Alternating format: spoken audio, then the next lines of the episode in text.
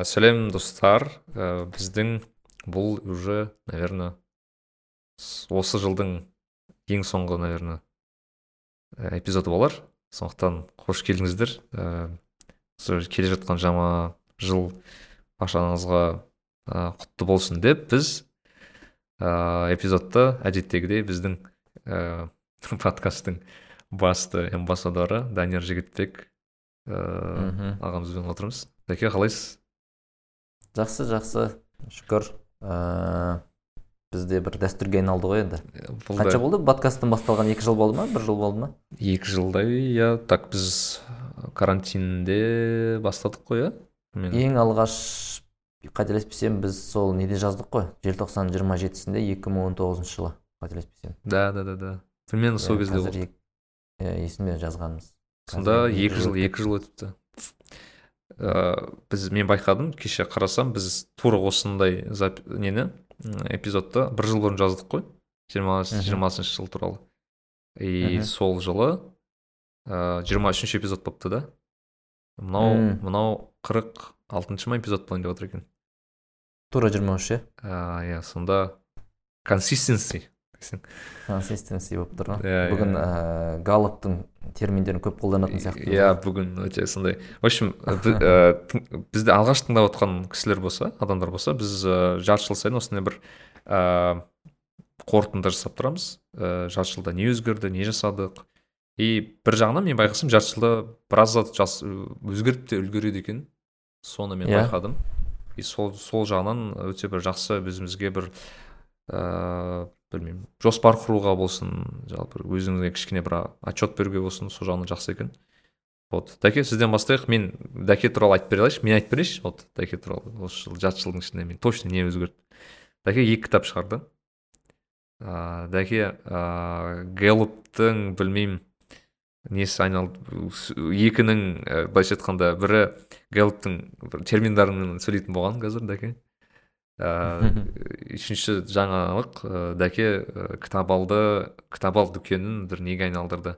Жаңа бір қалай айтсам екен интеллектуальная тусовка дей ма сондай жерге айналып кетті.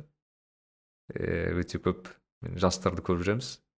Вот тағы қандай нені ұмытып кеттім мен? Өткен ыыы өткен біздің осы жарты жылдықты қорытындыладық қой. Қай айда болды? Маусым болды ма? шілде болды мен ол кезде екінші ұлым дүниеге келді деген әңгіме айтылды ма? айтылды ол кезде. Кажется иә айтылды иә. он бірі. Ол, ол онда ол сол эпизодта айтылды. Қазір одан кейінгі нәрселер. Ыыы лайфхактар кітабының бағана екі кітап деп айттым ғой. Лайфхактардың үшінші басылымы шықты. Ол жаңартылған қатты нұсқасы. Мхм. Одан кейін одан бөлек лайфхактардың орысша аудармасы шықты. Орыс тілінде шықты кітап. Иә сонда атай кету керек. Ә, енді ол да бір тәжірибе болды. Сосын не үшін үйлену керек деген кітап. Ә, не үшін үйлену керек? Мне кажется осы жылдың басты хиті болды ол сияқты. Соңғы екі үш айдың. Иә. Қанша дана болды? біз енді бірінші ә, тираж ретінде екі мың дана шығардық. Аха. Екі мың дана шығардық бірақ болашақта сұранысқа ие болатын сияқты. Одан тағы да шығара береміз ғой. Біткен сияқты ол да уже менің ойласам почти. Ә, жартысына жуық жартысына жуық өтті. Жартысына жуық өтті. Жоқ енді ол жақында ғана шықты емес пе өзі бір ай бұрын ба бір жарым ай бұрын иә бір жарым ай болды ғой. Ну күшті көрсеткіш сияқты қазақ тілді. Мен просто ойлаймын да қазір дәке мысалы біз екі мың он үш он төрт он бесінші жылдары қазақша шыққан кітап бір жарым айда жартысы сатылып кетеді.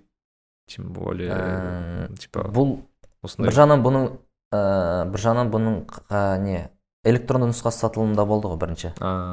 Тест ретінде. Аха. Оның біразы өтті. Соған қарамастан сонша өтті деп айтқан дұрыс шығар. Окей. Вау. И білмеймін мен мен мысалы осы жылы алматыға барған кезде кітап алдың вообще несіне айналған күшті бір ыыы адамдардың жалпы кітапқа қызыққаны одан бұрын просто интеллектуальный былайша айтқанда кітапты не ғой кітап деген инструмент қой просто айтқым келген иә. интеллектуальный контентқа қызыққаны өте не істеп отыр да мені. Ыыы иә. күш сыйлайды екен кәдімгідей өйткені вау дейсің.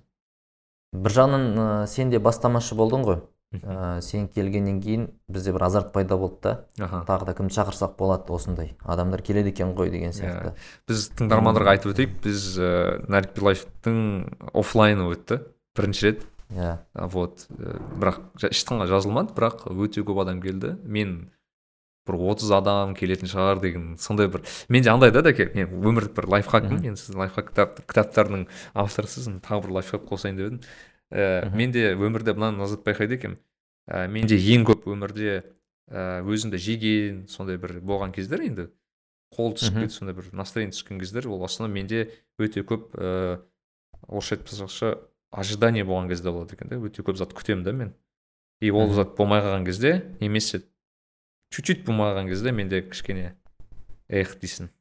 Ал мүлдем андай ештеңе күтпесең яғни ожидание жоқ болса и сенде ол жоқ ожиданиең кішкене көп болса такой уже настроение күшті болып вау керемет деп жүресің да ыыы нәреке енді осы жерде мынандай нәрсе айтса бола ма? Демек адам өз өзіне көңіл күй жасай алады деген сөз ғой қолдан. Әрине. Кім ожидание дегенде ваши ожидания ваши проблемы деп аршавин аршавин айтқандай иә демек бақытты болып жүру үшін ыыы саналы түрде азырақ күту керек қой былайша айтқанда. Мен бұл мәселені ше вот вот вот жақсы ә, тақырып қазір бір қозғап кетуге. Мен осыны дандай ағамен данияр қабдулла деген біздің ағамызбен талқылап едік. Ол кезде тақырып мынандай болған. Ыыы кризис среднего возраста деген бар ғой. Орта жас кризисі дей ма? Қазақша. Ол көбіне сол отыз қырық арасында болады ғой шынымен осы жастар жас аралығында. И маған қызық болатын сосын сөйлестік та біз. Енді дәкенің мысалы дандай ағаның ыыы не достары енді примерно сол өзім өзің шамалас қой сен бір қырыққа жетпеген отыз бен қырықтың арасында. Отыз бен қырықтың арасындағы кісілер ғой. Сол кезде айтады мен достарымның сексен пайызы көбісі қазір сондайда жүр там қуып кетті шашын бояп кетті кейбіреулер бүйтіп кетті сөйтіп кетті деп айтып жатыр да. Мен айттым неге ондай болып жүр десем? Ол айтады сол ыыы кризис среднего возраста дейді бәрінде. Мен айттым окей ал оны мен айттым да сізде ондай болды ма? десем менде болмады дейді. Мен айттым ал неге сізде болды? А сізде болмады оларда қазір болып жатыр десем айтады менде ожидание болмады дейді себебі. Говорю қалай сонда? десем айтады ыыы мысалы қара мен ыыы отыз бес жасымда ламборджини мінемін там осындай бір үш этажды үйім болады там өткен там осыншама миллион алам деген ешқандай өзіме установка қоймадым дейді. Мен қандай установка қойдым? Мен камри мінемін деп айттым дейді өзіме. Азырақ азырақ өзіме жетеді. Бір бір бір кішкентай үйім болады бір екі балам болады. Мен ничего не ожидал этого мира есть мен азырақ болдым и өзіме жетеді в принципе осы осы болады деген. А то что будет ну будет деген сияқты. Ну көбірек болса жаман болмайды короче. Бірақ оларды күтпедім дейді да и құдайға шүкір в принципе мен тура солай болды дейді да и мен құдайға шүкір шүкір деймін. Бұл өзімнің ожиданием кішкене жоғары болды дейді өзімнің ойлағанымнан. И ешқандай не жоқ ыыы күтпеймін дейді өзімнен сол жалпы короче кризис среднего возраста деген назат екен да негізі. Ыыы сенің бала кезіндегі армандар сен сондай бір жасқа келесің дейді да сен ол армандарды ешқашан орындай алмайтыныңды түсінесің. Санамен түсінесің дейді уже и кризисқа түсесің дейді. Мен енді не істеймін сонда? Оларды да жасай алмадым мынаны да істей алмадым деген сияқты. Ыыы мен керісінше ойлаймын кризис орта жаста бұл енді керісінше ойлаймын дегенде басқа қырын көріп тұрмын да. Ол мынандай болуы да мүмкін. Адам бір нәрсеге жетемін деп ойлайды отыз бен қырықтың арасында. Бірақ ол сол нәрселерге жетіп қойғаннан кейін ол мүмкін қырықта жетемін деген нәрсесіне отызда жетіп қоюы да мүмкін ғой. Сонда ол да екінші екінші мәселе туындайды. Ары қарай не істеймін деген сияқты ол да бар иә. Бәріне жеттім бірақ өмір жалғасып жатыр деген сияқты. Мен оны кім шамиль әлеудиновтен естідім. Мхм. Анау көп айтады ғой сценарий жизни анау мынау деп. Жиырма жылға сценарийіңді жаз дейді қиын нәрсе ол негізі жаттығу түрінде жасап көрдім мен. Мхм. Сөйтіп ә, сөйтіп енді түсінбейсің ғой не үшін жасаймын ол бәрі де бір алланың қолында деген сияқты бір ойлар келеді. Бірақ та ол сценарий сенің бір ә, ол өзгертіліп тұруы да мүмкін ол ештеңе етпейді. Бірақ бағанағыдай мәселелерді қуып кетпес үшін өз өзін жоғалтып алмас үшін керек екен. А. Что будет дальше деген сияқты. Мхм үшін сол үшін алпыс жетпіс сексенге де сценарий болу керек негізі бірақ дәке мен сұрақ сіз отыздан астыңыз ғой уже уже? Иә отыздан асып барамын деген кино шықты ғой. Иә сіз туралы шықты ғой. Жоқ содан қорықпайсыз ба? Сосын маған қызық. Ыыы жоқ мен қорықпаймын. Себебі мен шамиль әлеудиновті тыңдаймын ғой. Сондай бір сценарий жасап қырықта неге жету керек? Енді ол ана финанс жағы бойынша айтып жүр да қазір. Осындай осындай мысалы осындай ақша керек не үшін керек мысалы үшін? Одан кейін ары қарай не істеймін? Елу алпыс деген сияқты сценарийлар бар да.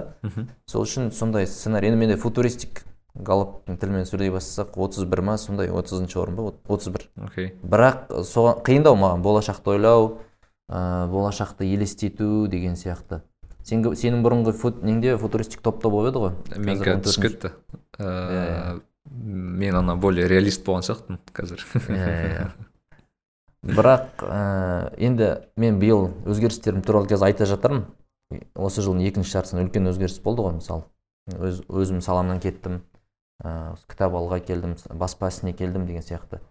Ә, сол кезде ә, менде бір отызға толғаннан кейін бір ой болды да мен қырыққа дейін өйстіп қазіргі ісімді жасай бергім келе ма жоқ па деген сияқты. Вабанкқа барған сияқты болдым ғой.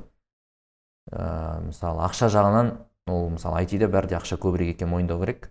Әрине. Мүмкіндік жағынан. Бірақ қазіргі салада қазіргі ә, жалақыны есептесе ол азырақ болады айтидан бір жарым есе даже екі есе может.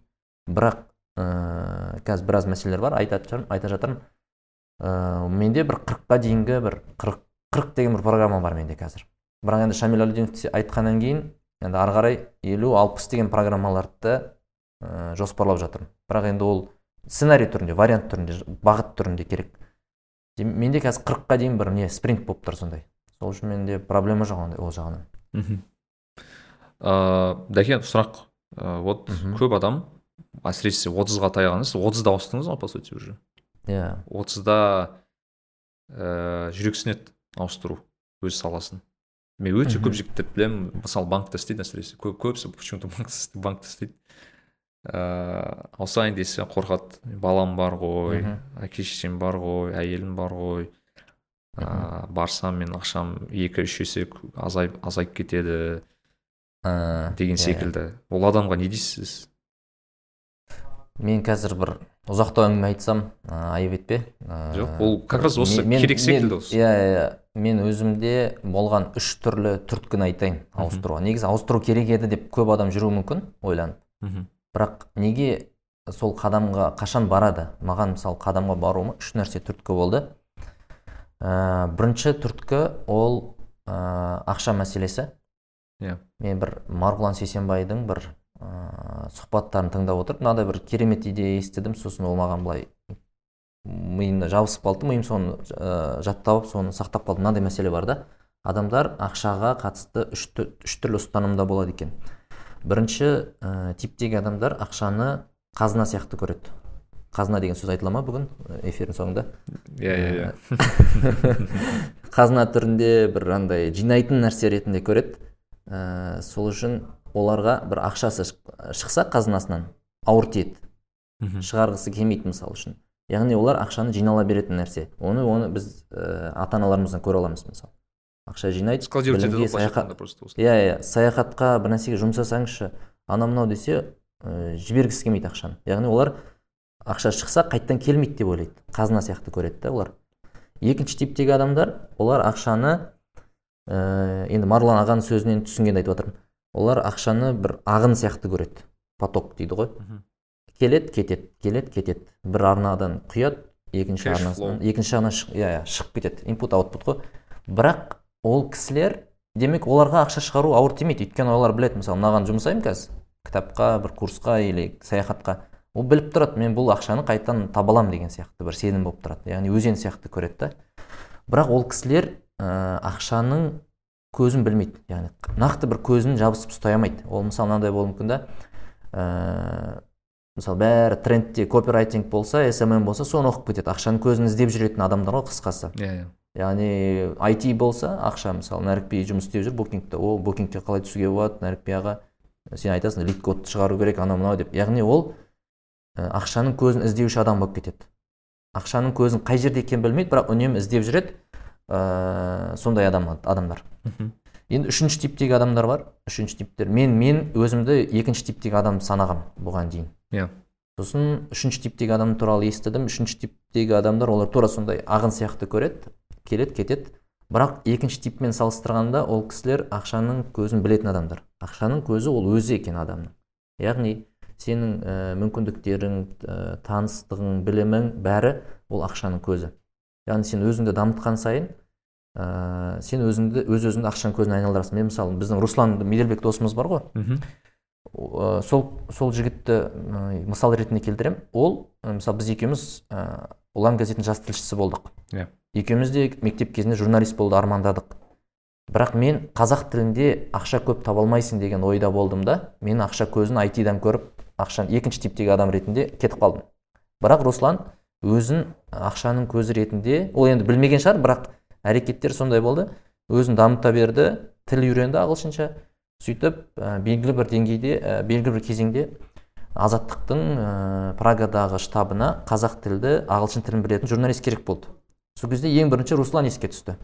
Демек ол өз өзін ағылшын тілін білу арқылы өзін дамыту арқылы өзін ақшаның көзіне айналдырды ғой. Ол мына жақтағы жалақысына қарағанда ана жақта әлдеқайда көп алады мысалы үшін. Және оны ол ә, сол жақта істейтін адамдардың көзіне де түсті. Солармен таныстық та болды. Ол да бағанағы нетворкинг мәселесі ғой. Ақшаны ә, сосын мен ойладым. Так мен қазір айтиде жүрмін. Ә, окей мына жақта ақша табам. Бір белгілі бір потолокты көріп тұрмын осыған жете аламын. Бірақ ә, ары қарай көріп тұрған жоқпын. Не істей қырық мысалы отыз отызға толған кезде менде ой келді. Так қырыққа дейін мен осымен айналыса бере аламын ба?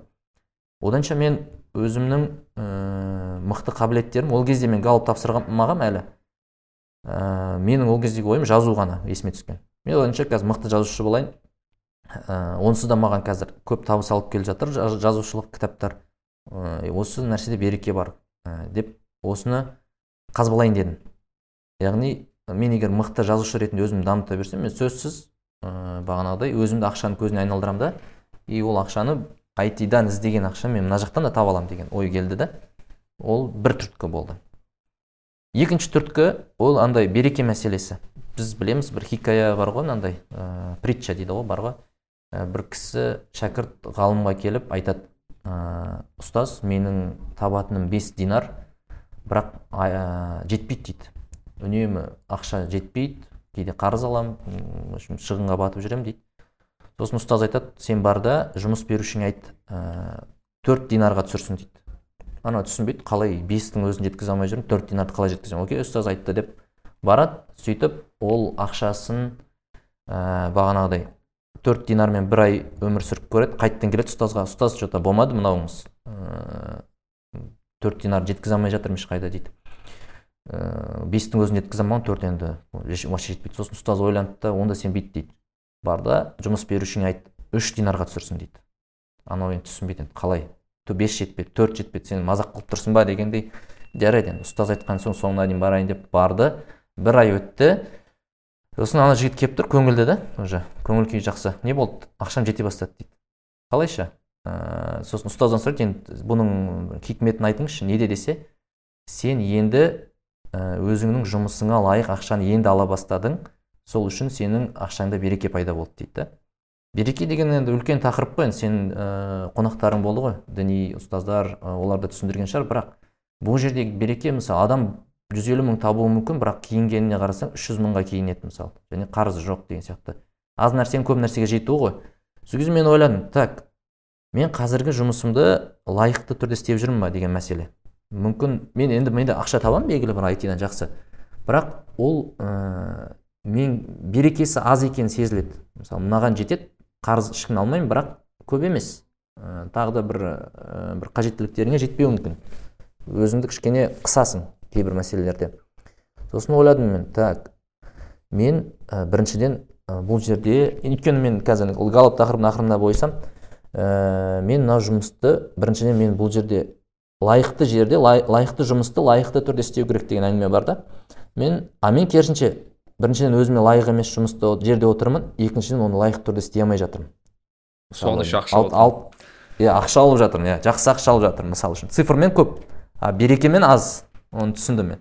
Сосын ойладым мен оданша өзім жақсы істей алатын өзім ә, лайықты істей алатын өзіме лайық жерді іздейін ә, сол жерде істеймін деп бір шешім келді да маған. Сонда береке де болады дедім. Бұл екінші түрткі болды. Үшінші түрткі галып болды. Галып как раз ә, біз осы подкаст жазып жүрген кезде біз кездестік қой бір ә, жерде. Иә иә. Баханди бургер баханди бургер. Бахан түнгі түн- түнгі сағат. былай айтуға болады дәкенің жұмыс ауыстыруына әсер еткен баханди бургер алған енді осыны естіп тұрған баханди бургердің қызметкерлері басшылығы болса маған сыйласаңыздар болады сіздерге бір жарнама.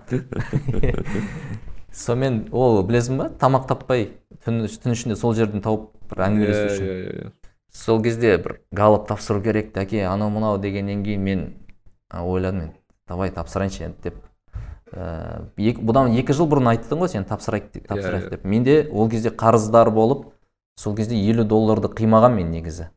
Қарызым бар ә, енді енді мен екі жыл бұрын білгенде мүмкін басқаша болар ма еді жағдай бірақ енді адам дайын болған кезде ә, келеді дейді ғой. Шәкірт дайын болған кезде ұстаз келеді сол галып деген ұстаз келді. В общем сонымен ә, тапсырдық. Тапсырғаннан кейін ә, менің таланттарым шықты. Менің таланттарым шықты. Мендегі үшінші түрткі ол мынандай болды. Енді мен бақытты болу үшін жалпы өмірде өз орнымды мына галып подсказкада енді. Бақытты болу үшін өзім топ таланттарымды қай жерде қолдана аламын сол сондай жерде жүруім керек деген сияқты. Сол кезде мен өзімді ақшаның көзіне айналдыра аламын. Тезірек. Сол кезде мен лайық өзіме лайық жұмысты лайықты түрде істей аламын. Өйткені ә, топ таланттарына топ таланттарын қолданылатын жерде жүрсе адам Иә. ода төрт нәрсе болады. Ол біріншіден ләззат алады жұмыстан ол энергия алады ол шаршамайды айналыса береді таланттарын топ таланттарын қолданған қолданса. Үшіншіден ол онымен айналыса бергісі келеді. Бағанағыдай алтыда қайтқысы келмей ары қарай жеті сегіз артығымен жұмыс істеуге дайын болады және ол нәрсе оның қолынан оңай келеді. Сонымен мынандай қызық болды. Мен галып тапсырдым. Менде бірінші орында лернер тұр. Сен еще айттың ғой саған жіберген кезде. Андай мә пожизненный ученик деп па жіберді. student деп жаздым иә а маған бұл андай болып көрінді. Типа унижение сияқты болып көрінді. Шыны керек. Типа бұған мен білмеймін енді мойнымда бір блоктар тұр ма? Типа бізде мынандай бар ғой үйрене береді да бірақ қолданбайды. ә, қолданбайды деген әңгіме айтылады ғой бізде. Сол менде қалып қалды да и сен айтқаннан мен ойладым қалай? Мынау лернер не үшін жүр дедім да біріншіден мына жерде бірінші орында. Енді мен ойлағанмын ғой дисциплина бір, стратегик екінші орын. Стратегик ол бар мен келісемін. Сонымен енді мынау лернерді не істеймін дедім мен. Ә, бірінші орын тұр бірінші қабылдамау сезімі болды да и мынандай ақ айтты ғой. Анау отрицание потом принятие потом сол болды ғой сізде Иә, процесстер. иә, Сол- иә адандайға айтты ғой. Егер сен ә, бірінші қабылдамасаң скорее всего сен өзіңді дұрыс танымағансың дейді да. Сонымен мен менде мынандай түсінік пайда болды. Мәссаған мен 30 жыл мен вроде психологияны білемін вроде өзіммен өзім көп ойланамын бірақ мен өз өзімді дұрыс танымаған екенмін ғой деген бір ой пайда болды. Сөйтіп анализ жасап көрсем мен ә, университет кезінде былай балаларға түсіндіретін басқа үйрететін үйрене беретін мектеп кезінде де сол балаларға басқа класстастарыма түсіндіріп үйрететін тіпті. Әкем кейін айтып отыр садикте мен енді орыс садикке бардым ғой орыс балабақшасына сөйтіп мені ә, сыртынан үйде қазақ орыс сөйлемеймін орысша бірақ орыс балабақшасына барамын. Сосын ойлаған ғой енді мынау ана жерде бір бұрышта бір отырам екен бір тіл білмей қиналып деп. Әкем сыртынан бақыласа мен ана жерде ә, беседканың үстіне отырып орыс балаларға бір нәрсе түсіндіріп отыр екенмін да. Ә, сондай сондай сондай белгілер тіпті баланың кішкентай кезінен де білуге болады да кейбір галыптар енді менде лернер прям мықты болып тұр ғой. Соны сол кездің өзінде көрініс тапқан болып тұр. Сонымен ә, ойландым мен. Так мен енді лернер екенмін. Окей қабылдамадым. Сосын ба, содан кейін ойладым. Ақыры енді құдай берген екен қолданайын осыны деп. Сосын мен бір не бағыт іздедім. Демек мен бір нәрсе үйреніп үйрететін жерде жүруім керек деген бір ой пайда болды да. Ә, мысалы мен ә, кітап алға келген күн өзіне кітап ал просто орта. Мысалы орта деп қабылдаған дұрыс. Бұл жер бағанағыдай тренингтер ұйымдастыруға адамдармен жұмыс істеуге оқырмандар клубтарын ұйымдастыруға сосын тренингтер жасауға болмаса басқа қалаларға тренингтерге шығуға бір орта бір баспалдақ болды да. Сөйтіп мен ә, азекеңмен азиз мырза басшысы кітап алдым. Бір кездесіп қалдым да сосын бағанағы үш нәрсе жүр ғой миымда. Береке ә, ақшаның көзі өзім и галыпқа сәйкес жұмыс сосын айттым азеке сіздерде бар ма? дедім жұмыс. Мен сіздердің орталарыңызда болғым келеді деді ол айтты как раз бізде кел бізде бар деді. Осындай осындай. Сол бірақ енді айлығы аз болады деді. Бұрынғы айтидан қарағанда бір жарым есе аз сосын мен енді бағанағы үш нәрсені ойымда ұстап тұрдым да тәуекел еттім ғой былайша айтқанда. Бірақ андай тәуекел емес та бұл. Бассыз Ә, соқ, соқыр тәуекел емес қой. Менде бір ой болды ғой. Енді болмай бара жатса кітаптарымды сатамын болмай жатса тренингтер арқылы бір шығарып аламын деген сияқты бір ой болып тұр запаста. Ә, сонымен ә, сондай тәуекел болды. Енді алла тағала тәуекел етушілерді жақсы көреді дейді ғой. Сонымен ә, осы үш төрт айда кітап алдағы мен енді басқа да жанама міне жабық тренингтер ашық тренингтер ұм, кітаптың сатылымы сонымен мен ә, есептеп қарасам айтиде бір жылда табатын ақшаны төрт айда мына жақта тапқан екенмін былайша вау! Қол шапалақ дейсің ғой. Сол кезде ә, бағанағы нәрсе ә, анау бес динар төрт динар үш динардың әңгімесі береке бар деп сеземін енді өзім бірнеше адам да айтты. Енді ұзағынан болсын. И ақшаның көзі өзім деген мәселе де бар. То есть маған өзімді лернер ретінде бағанағы үйретуші үйренуші еще басқа да таланттар бар комбинациясына қарау керек. Сол таланттардың ә, маған бір жағынан энергия аламын ә, ләззат аламын айналыса бергім келеді қолымнан оңай келеді. Сол істер арқылы ойлашы бақытты болып жүріп энергия алып жүріп өзіңді ақшаға айналдыру әлдеқайда жеңілдірек қой ақшаны көзіне айналдыру. Сонымен сондай өзгеріс болды.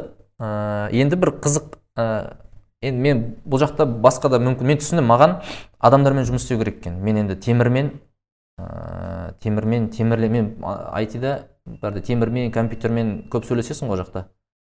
Ол маған ұнамаған, ұнамаған екен. Эмпатия таныта алмайсың мысалы эмпатия талантым бар. Индивидуализация жасай алмайсың мысалы мактікілер басқаша аналар нелер басқаша деген сияқты. Э, басқа компьютер басқаша деген сияқты. То есть ә, адам адамдармен жұмыс істеу керек екен маған. Сосын осындай бір үйрету үйретуші рөлінде көбірек оқытушы үйретуші. Оқытушы иә иә. Сосын осы галопты темасын қуалап ә, мен жеке талдаулар деген нәрсені бастадым. Э, жиырма бестей адамды ә, мен достар әріптестер энтузиазммен талдадым. Сосын ойладым жоқ бұны ақылы қылу керек. Адам жауап өзім де басқалар жауапкершілікпен қарау үшін деп сөйтіп бір қырық жеті адам талдап тастадым да. Иә. Yeah. бұл да бір өзгеріс деп ойлаймын өмірімде. Мхм. Ыыы қайрат ағамен сөйлескенде айтып жатырмын да қайрат аға мен мынау осындаймен айналысып жүрмін енді сол кісіден ақыл сұрап отырамын бұл шаршатады деймін да энергия алады. Бір адаммен кейде екі үш сағат отырасың талдап несін галопын сол кезде ол кісі айтады да сен бұған ә, бір мүмкіндік сияқты қара дейді. Өйткені біз біздің алдымызға адамдар келтіре алмай жатырмыз дейді мысалы. Сенің адам алдыңа адам келіп тұр. Сен онымен сөйлесе аласың оның несін мұңын тыңдайсың проблемасын шешесің психолог сияқтысыз ғой сіздер иә иә иә сонда коуч коучинг қой. Мхм. Ыыы коучинг деңгей. Сонымен сондай өзгеріс. Енді қазір тағы бір өзгеріс болып жатыр. Енді 2020 ә, екінші жылды мен ә, кітап алда осындай HR яғни human resources осы әріптестерді дамытатын сондай позиция болады менде. Жаңадан келген адамдарды қазір, қазір позицияңыз қандай еді? Мен енді шабыт баспасының бас редакторы болдым. Ә, бірақ бізде енді кітап басылуы баяулайды. Сол үшін ол жақта аса көмегім болмайды. Бірақ ә, айтады ғой ана қайрат аға да айтады жолға шық жол өзі саған көрсетеді деген сияқты. Басымды сұғып алдым аллаға тәуекел еттім. Былай мына жақта мүмкіндіктер шығып жатыр мысалы. Машалла. Коучинг жасауға болады кітап алдай жүріп әріптестер дамытуға болады деген сияқты. Менің ә, таланттарыма негізі жазушылықтан бөлек ә, осындай коучинг болған коуч болған жарасады екен негізі. Ұстаз деген сияқты ә, психолог та келеді негізі бірақ мен қазір ше осы қызық осы коучинг деген кезде жақында анау түрлі нелер естіп жатамын да. Пікірлер. Коучинг бағанағы тағы басқа. И былай ойланып қарадым да мысалы қазір ә, ахмет деген не шықты ғой есімде болса? Ұлт ұстазы ұлт ұстазы деген иә. Иә. Мен жақында ойландым короче. Ә, егер ахмет байтұрсынов атамыз жиырма бірінші жылы жұмыс істеп жүрсе ол кім болар еді деген сұрақ болды да. И мен былай қарасаң ұстаз болу қазіргі заманда это типа мектепке барып ұстаз болу емес та негізі уже. Типа или там не знаю ыыы университетке барып ұстаз болу емес. Ол по сути ну по сути коучинг қой былай қарасаң. Негізінен yeah, мен... отчасти қарасаң ол коучингқа ұқсайды да негізі. Иә ыыы өйткені коучингте мысалы галп ол инструменттердің бірі ғой көп инструменттің бірі. Мен бұған дейін де мысалы бір ақыл кеңес айтатын болсам қазіргі ақыл кеңестерім андай точ, точно дейді ғой тура тиеді. Өйткені сен оның галопын көресің оған мысалы дисциплинаны былай қалыптастыру керек. Оған адамдармен қарым қатынасты былай түзу керек. Деген сияқты дәлірек ә, кеңес беруге мүмкіндік туғызып отыр құрал ретінде. Ә, а былай бұған дейін де жасап жүрген нәрселер ғой мысалы. Інілеріңе ә, бағанағы группаластарыңа коучингтің элементтері бар да коучинг деген сол. Үйрету түсіндіру сосын қадағалау ғой соны. Қалай болып жатыр деген әңгіме. Өйткені кейде адамдарға сол қадағалау жетіспейді. Ол білет, үйренеді түсінеді бірақ істемейді. Кері байланыс жасайтын адам керек. Сол коуч деген сондай ғой. Ал керемет екен иә. иә. Дәке сіз өзіңізді өзіңізді қырықта сондай коуч қылып елестетесіз ба просто сол қызық маған? Ә, мен ә, коуч коуч дегенде бұл енді түрленуі мүмкін бірақ өзімді сол ағартушы ұстаз ретінде елестетемін. Оны формаларда көп болуы мүмкін ол. Ә, бәлкім ә, ол бір не сияқты болып кетуі мүмкін. Ә, мысалы кім тони робинс сияқты бір формат болуы мүмкін. Ә, яғни бағанағыдай аудиториялар жинап. Немесе ә, жеке коучинг мысалы мысалы шамиль әлдинов қазір сондай ғой. Ә, жеке коучинг өйткені мынандай инклудер деген талант бар менде 34 төртінші орында. Мен түсіндім маған үлкен топпен жұмыс істеген ә, ыңғайсыз маған жекелеген кішкентай топпен немесе жеке адамдармен істеген тиімдірек және мен сол кезде жақсы ашыламын.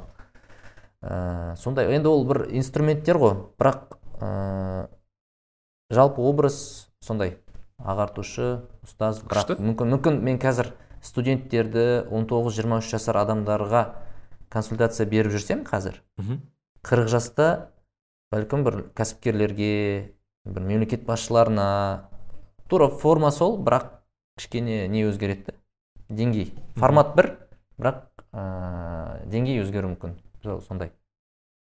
Мен анау қазір бір зат түсіндіргім келеді да адамдарда ыыы ағылшынша айтады апс and даунс болады да адамда.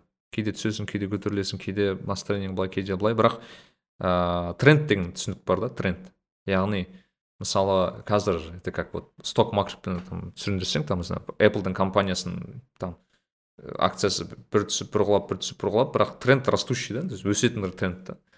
Yeah. и мен осыны түсініп жатырмын да. Мысалы мен өз басым ә, мен маған мысалы келетін болсақ мендегі жаңалықтарға келетін болсақ мен мысалы қазір өзімнің мүлдем бағытымды ауыстырып отырмын вообще. То есть мен айтишник болып қалғым келіп жатыр. Айти жағында өзімді көргім, көргім келеді бірақ бағытым басқаша екенін түсіндім да. И м бірақ қызығы да екен мен бағытымды ауыстыру үшін мен ә, қазіргі позициядан төмен позицияға ауысуым керек негізі. Иә сондай төмен деген ә, иерархия ма айлық па қалай? айлық жағынан емес именно иерархия жағынан. Мысалы мен мидл разработчик болсам мысалы мен джуниор болып бастауым керекпін да қайтадан. Иә. И ол қызық та мен жақында тұрып ойландым да. Мә қызық деймін мен жанымдағы достарым коллегаларым көбінесе сеньорский позицияға ауысады ғой көбінесе өсуді ойлайды ғой біздікілер а мен наоборот наоборот кері трендқа кетіп бара жатырмын да. Бірақ оны мен қалай нормально қабылдадым? Мен оны тренд деп қабылдадым да. Яғни қазір басында обязательно түседі ол. Иә иә иә.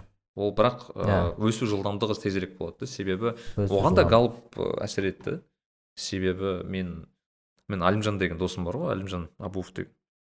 Вот сол бала келіп программист қой енді оның галуп бойынша сто лет сто лет. деп жүретін иә.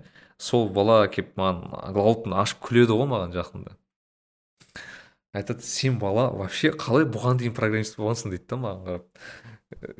Типа қазір тіпті фокусың түсіп кеткен қазір программист емес сияқтысың былай қарасаң? Былай дейді не дейді? Коммуникация там не знаю харизма оның бәрі вообще келіспейтін заттар ғой дейді маған ұрысады да. Күледі нет ұрыспайды күледі көбінесе соны айтады. Мен ол баламен там он жыл бойы уже жұмыс істеп жүрмін ғой бірге. Соны күледі. И мен тұрдым да өзім таңқалдым қалай деп өзім. Бірақ ыыы шын айтсам жауабын таппадым қалай болған бірақ ыыы бір іштей бір бірақ сен сенде ыыы мынандай болды ма? Бағана төрт шар орындалды ма сен айтиге дайындалғанда айтиде жүрген кезде сен одан энергия алдың ба? Жоқ менде былай менде былай болды. Ыыы айти ол мынандай болып тұр да слишком ауқымды зат қой. Ыыы и именно с программирование вот мен маған маған қызық жері маған именно продукт жасау қызық. Мен өте көп не алатынмын энергия алатынмын да одан продукт жасау қызық ә, мен рекрутинг жасау қызық маған адамдарды набирать ету қызық адамдармен сөйлесу қызық адамдарды идея жасау брейншторминг жасау қызық ыыы не знаю стратегия жасау қызық маркетинг жағынан кіріп қызық. В общем мен түрлі түрлі жағына көріп бірақ программирование қызық бірақ бір шеті ғана да бірақ оған дейін мен сол шетінде жүрдім да түсінесіз и менде оказывается ә, барлық жерде болған қызық екен да. Именно сіз айтпақшы адамдармен қарым қатынас жасау қызығырақ та маған. Өте қызық себебі мен мысалы өзімнің ә, әріптестерім бар мысалы өте көп жерде жұмыс істеген түрлі түрлі там не знаю позицияларды алған там жігіттермен сөйлесем уже там сеньор деген одан выше уровеньдерге кеткен бар бізде. Принципл деген өзі уровеньдер бар да. Олармен сөйлесесің и көресің да егер вот портрет бар ғой образно портретті сызамын да идеальный программист деген кім деген. И мен түсінемін что мен оған ну мүлдем келмеймін короче. Ну чес ну типа ну никак келіспеймін ол ол портретке. Потом тұрамын да мен қазір продукт менеджерге ауысып отырмын. Мен түсініп отырмын что мен идеально продукт менеджерға келеді екенмін да менің образым. Мм себебі ол адам именно вот продуктпен айналысады ол стратегиямен айналысады ол адамдармен сөйлесумен айналысады. И ол адам менде мысалы андай проблема болатын. Ыыы ә, программисттер ол көбінесе дайверлер да негізі. Дайвер деген иә ол тереңге кететін адамдар да всегда. То есть мысалы бір программистті аласың задача береді сен ашып ақтарып ішіндегі бүкіл несін шығарып түбіне дейін жетіп қайтадан жауып қайтадан құлыптап айтасың ресторативтар ғой? Иә. Такой типичный менде ресторатив білмеймін қай жерде мне кажется чуть ли не там ең соңғы орын ау мне кажется. Отыз отыз. Иә сол ғой и мен айтқым келгені маған керісінше маған ыыы широко жұмыс істеген ұнайды то есть әртүрлі заттармен әртүрлі немен жұмыс істеген ұнайды. Бірақ менде бағанағы стратегиялық ойлау деген түсінік бар бағанағы адамдармен қатынас қарым қатынас құра алу түсінігі бар. Мысалы маған шын айтайын ыыы ә, адамдармен танысу адамдармен былай тез тіл табысып кету өте жеңіл екен. Нереально жеңіл прям мен білмеймін мен мен, мен айтады достарым бар таң қалады да қалай сен адамдармен былай тез танысып кеттің деп просто. Мысалы білмеймін бір бір екі кездесуде боламыз. Уже болды бір бірімізге прям өте жақын бауыр басып кетеміз да. И маған да қызық и мен оны көбінесе ана оны түсінбейтін адамдар оны бір не болып қарайды андай бар ғой бір. Екі жүзділік деп қарайды екен да кейбіреулер типа қалай ол деген секілді. Сен адаммен жақсы таныс емессің ғой деген а маған ол керісінше ол екі жүзділік емес ол ыыы маған адамдар қызық просто. Адамдар қызық вот типа вот адам индивид қызық да именно. Әр адамның өзінің историясы бар да именно. И әр адамның өзінің жекелеген ә, тақырыбы қызық жекелеген несі мен жақында ойланып отырмын да мен мысалы қазір енді контент жасап жүрмін ғой. И мен ойландым маған подкаст неге ұнайды? Потому что маған адамдар қызық. Менде подкаст бір белгілеген тема жоқ та. Былай айтқанда именно осы туралы сөйлесемін деген. Маған ол адамдар туралы подкаст негізі. Адамдардың тағдыры туралы подкаст. И потом мен ойландым окей а, ол ұнайды маған мен тағы не жасағым келген еді деген. И мен түсіндім мен жақында бір ыыы видеомен фотомен қызығып кеттім да. Мен түсіндім маған документалка түсірген қызық екен оказывается өзіме. Неге? Өйткені мен мысалы ыыы түрлі адамдар кездестіремін ғой. Мысалы қазақтар неше түрлі әсіресе мына еуропада шетелге көшкен қазақтардың историясы өте қызық та негізі. Именно қалай көшкендері қандай челлендж болғандар қалай ну короче өте өте көп қызық историялар айтатын мен айтатынмын блин қытай арқылы ауғанстан арқылы деймісің. Иә иә. И мен жазып алғым келетін да блин ана подкастта бір нәрсе жазу керек қой мыналардың историясы и маған анау қанат қанат бисекеевтің нелері ұнайды да документалкалар көбінесе. Енді просто қазақстанда ол ыыы түсірілген болғандықтан көбінесе ол енді европада түсірген мүмкін америкада түсірген бірақ еуропада аз да соңғы кездері қазір менде идея келіп жүр. Ә, европа европадағы қазақтар туралы бір кішігірім ә, бір документальный нелер түсіріп тұрсам үйреніп алсам деген секілді. Ә, вот. Сондай не оймен жүрмін да. И маған неге өйткені адамдар қызық и бағанағыдай ыыы ондай форматта жоқ секілді. Өйткені бізде көбінесе формат қандай? Бізде формат көбінесе ютубты ашсаңыздар ә, ол тревел ол көбінесе бағанағы ә, білмеймін интертеймент бағанағы. Ә, қызық студия андай студия короче. Ну короче адамды ол сен қазір қызық қызықтарын айтып тұрсың ғой іш пыстыратындар да бар ғой. Иә. Адам жиналып алып бір нәрсені талқылай береді. ну подкаст көбейіп кетті қазір байқасаңыз. Өте көп подкаст бар ә, деген секілді. Бірақ менен айтады подкаст деген қазір әйекінің бірі жасап жүрген. Мен айтамын ол соңғы соңғы кезде ғана ғой. Мысалы мен бастағанда подкастты вообще ешкім білмеген. Ну как бы. Честно говоря біз есіңізде ме? Бірінші подкаст жасаған кезде мен реально адамдар не екен деп сұрады ғой не ол подкаст деді ғой маған кәдімгідей адамдар. Сол кезде мен таң қалғанмын қалай адамдар білмейді деп. А қазір подкаст нормальный зат болып кеткен просто ол кезде сұхбат деген сөз болды ғой қазір подкаст деген сөз вот вот. И мен тағы бір зат соңғы уақытта түсінген ііі вот уже екі жыл жасап жүрмін қырық алты рет жасаппын уже эпизод. Шықпағаны қанша? Негізі шықпағандар да бар негізі. Ыыы и мен мына зат түсіндім да м адамдар әртүрлі болады екен өте. И ол сонысымен қызық та и ә, и бұған сен көбінесе қандай ниет бересің солай жылжиды екен бұл. Яғни мысалы кейбір адамдар мен көремін маған подкастерлер келеді да айтады вот мен подкаст жасағым келіп жүр осындай идея мынандай идея дейді да бірақ подкасттың астында мағына жоқ та мағына дегенде миссия жоқ та подкасттың артында.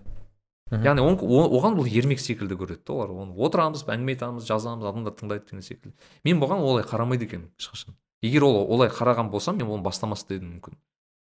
Ыыы ә, өйткені мен бұны ыыы ә, былайша айтқанда ә, өзімнің проекциям деп түсінемін да яғни менің бүкіл осы қырық алты эпизодты тыңдап шықсаңыздар менің рухани ізденісімді көре аласыздар деп айтар едім да өзімнің.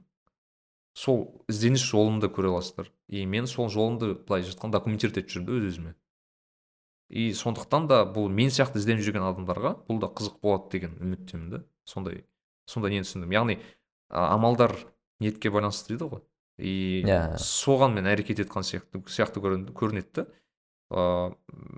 Бір жағынан ә, қазір масштаб жағын ойланып жатырмын. Осы жиырма екінші жылдың басты несі маған ютуб болмақ болайын деп отыр. Қой құдай қаласа. Бірнеше ә, эпизод жазылды да иә? Ә, бір эпизод жазылды уже. Ютуб ә, бұйырса тағы бір екеу жазылады. И ютубта қызық болып жатыр ыыы уже ютуб негізі аудиоға қарағанда өте қызық өзгеше спецификасы бар екен. Мысалы видеода жазсаң адамдар ыыы басқашалай өзінің басқа қырынан көрсеткісі келеді әдемі отырғысы келеді деген секілді. Мысалы мен өзім де байқадым да мен бұрынғыдай еркін отыра алмайды екенмін. Ыыы өйткені бұл жақсы ма жаман ба? Еркін отыра алмау айта алмайды екенмін жақсы жаман жағын. Әрине енді дискомфорт бар бірақ ол үйренісу жағынан айта аламын. Ә, екінші бірақ жақсы жағы ол масштаб масштаб жағы. Яғни ә, масштаб жағынан біз қайда көп аудиторияны былай ала аламыз да? Ә, деген соны түсіндім. Бірақ аудиода қалады. Бірақ ютубты мен көргім келіп жатыр. Өйткені ютуб мен бағана айтпақшы да менен ютубтан ожидание жоқ та қазір. Мен білмеймін өйткені бастап көрмегенмін. А, бірақ ә, бастап көргім келеді өте. И ә, сұрақ болады ғой мен қалай нәрікби ютубта подкаст жазады егер ол амстердамда отырса деген секілді. Иә yeah, yeah. оған әрқашан решение бар өйткені инженерсің ғой ойланасың так мен, мен сияқты біреу бар шығар деген секілді.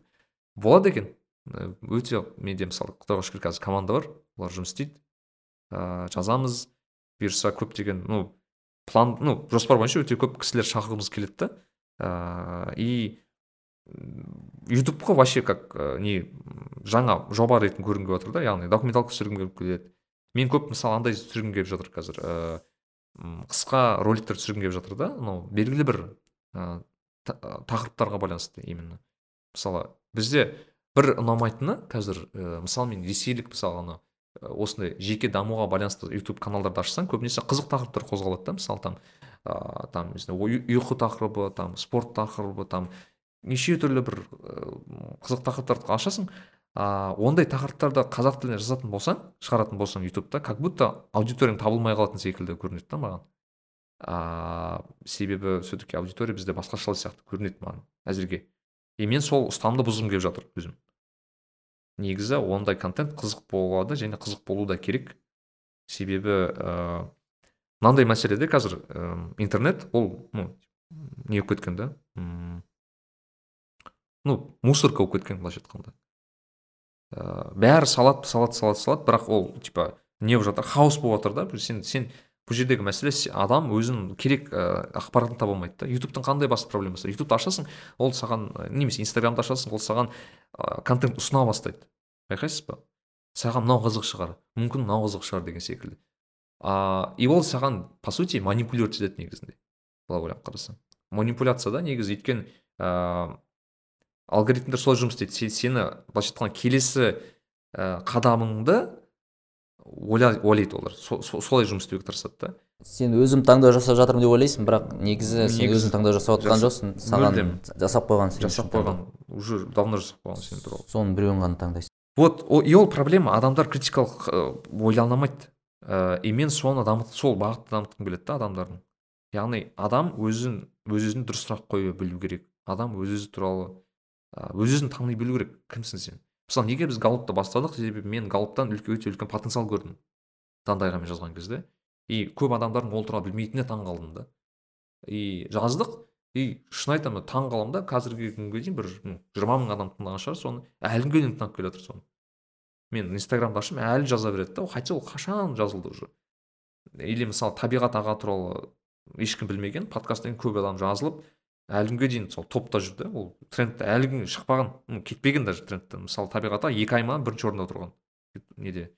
Аудио подкасттардың бірінші орында көрсеңші қазақ тілді мен бұрында ойлайтынмын мүмкін емес қой бұл деп оказывается дәке қазір адамдар көбінесе рухани ә, ізденісте рухани кризисте жүрген адамдар көп екен өте. Мхм. Осы мәселе екен. ол и м, бір жаманы бұл жерде дәке маған бір ұнамайтын жері классикалық мешіттер имамдар бұл гештальтты жаба алмай жатыр өкінішке орай. Мен бұған қатысты айтайын жауабымды. Бізде рауан аға подкастта айтты ма айтқан жоқ па осы мәселені қозғады. Ә, негізі ә, рухани біздің әрқайсымыздың класстарымыз әртүрлі. Мысалы біз 10 жыл болса дінде жүргенімізге діни практикамыз болғанына. Біз шамамен бір үшінші төртінші болмаса бесінші алтыншы сыныптамыз да а, имамдардың аудиториясы ол нөлінші бірінші сыныптар мысалы ә, мысалы ол мешітке келетін адамдардың ә, сұрақтары алғашқы ол қайталана береді ғой. Өйткені адамдар жаңадан келген адамдар контингент бір. Сол үшін ә, бұл жерде ә, ол кісілердікі де орынды деп ойлаймын. Өйткені ана ол бізді дамытқаннан гөрі бағана нөлінші бірінші сыныптағы рухани бір нөлінші бірінші сыныптағы адамды ұстап соған бағыт бағдар беру әлдеқайда тиімді және ол өзін өзі дәлелдеген бір әдістері бар да олардың жылдар бойы қалыптасқан. Олар сол әдісті қайталай беруі де сол заңды деп ойлаймын. А біз біз олардан өйтіп талап ете алмаймыз да біз өзіміздің классымызға сабақ беретін ұстаздарды іздеуіміз керек деген сияқты әңгіме шығады да. Вот. Сол ғой. сол сол иә. Мысалы иә. То есть мысалы қазіргі подкасттың да мысалы кейбіреу біреу түсінсе түсінбейді. Өйткені әртүрлі класстағы адамдар отыруы мүмкін ғой. Мысалы табиғат ағай ағанікін басқа класстағылар тыңдайды. Біз екеуміздікін басқа класстағы адамдар тыңдайды да. И как то біз орташасын шығаруға тырысып жатырмыз деген сияқты. То есть ну то есть андай да иә. біз мысалы келіп өте бір қиын тақырыптарды қозғауымыз мүмкін. Бірақ оны адам Иә. түсінбеуі мүмкін. Немесе Иә, өте өте базовый сұрақтарды қоюымыз мүмкін. Ол адамға қызықсыз. И ол осы ортаны табу қиын да бұл жерде. Иә. Может табу да керек жоқ шығар өйткені сенде индивидуализация бар ғой. Мысалы о, бағана дін дін оқып жүрген толиптермен басқаша жүргізесің. Олардың өз аудиториясы бар. Мүмкін қазір бірінші рет оны тыңдаған адам түсінбейді да. Бірақ кейін оның классы көтерілгеннен кейін ол сол подкастты тыңдауы мүмкін кейінірек біздікі тек қана ағаш егіп қалдыру ғой. Ағаш егіп қалдыру ол мен былай қараймын да мен жақында ютубқа ә, айтпақшы тыңдармандар болса мен ютубқа қазір ә, бұрынғы эпизодтарды сала бастадым. М, бұйырса Иә. бәрін шығарып салып шығамын жаңа дизайнда әдемілеп қалай болып жатыр? қаралым? Қаралым қалай болып жатыр? Қаралым білмеймін енді реклама жасамаса жа- жасамадым әлі оны прям шығып отыр просто айтып отқаным мен сала бастадым. И өзім тыңдаймын ғой өзім подкастты мүлдем енді әсіресе алғашқы онын тыңдай алмаймын мүлдем. келесі онын енді бүйтіп қиналып тыңдаймын. Келесі жиырмасынан жиырмасыншы эпизодтан басқан ну более менее енді тыңдауға болады деген секілді. Иә иә. И мен түсіндім ана бір кісілер бар да өте көп кісілер бар. Бірінші эпизодтан қырық алтыншы эпизодқа дейін тыңдаған адамдар бар да бәрін. И олар да айтады да типа ну прогресс білінеді дейді да адамдар. Қалай сұрақтардың прогрессі өзгерген адамдардың сапаның ыыы, өзгергені тағы тағы басқа. И мен түсіндім да вот осы ғой показатель. То есть егер мен өз өзімді мысалы сіз дәке өзіңіздің бірінші кітабыңызды ең бірінші шыққан кітабыңызды оқи аласыз ба қазір? Өзіңіз. Жоқ сол бар бар бар ондай нәрсе. Да? Мен, менде сондай болды. Өйтіп мәссаған мынаны қалай жазған деймін адамдар қалай оқыған мынаны деп тыңдаған деген сенде еще максимайзер ғой үшінші орында. Иә. сен постоянно максимум көресің. Мен менде бірақ ыыы ол нәрсе отызыншы орында мысалы үшін. Менде шүкір деген көбірек те жетеді деген нәрсе. Осы да болады деген нәрсе анау ағылшынша enough деген сөз бар ғой. Enough деген нәрсе көп. бірақ ыыы ол, ол өзгерді деп ойлаймын соңғы кезде. Біз мынау кітапты шығардық қой. Сен көрген жоқсың иә мұқабасын не үшін үйлену керек деген? Көрдім ана екі несін иә. Тір жоқ тірідей ұстап көрген жоқсың? А, тірідей көрмедім әлі. Ііі, сол кезде енді бізде бізде максимайзер жігіттер бар ғой. Солармен ақылдасып ііі солардың ықпалы болу керек. Менде бір максимайзерлік қабілеттер шығып жатқан сияқты да. Соны байқадым да. Ә, мысалы анау максимайзерлік мынандай да байқалады да мысалы.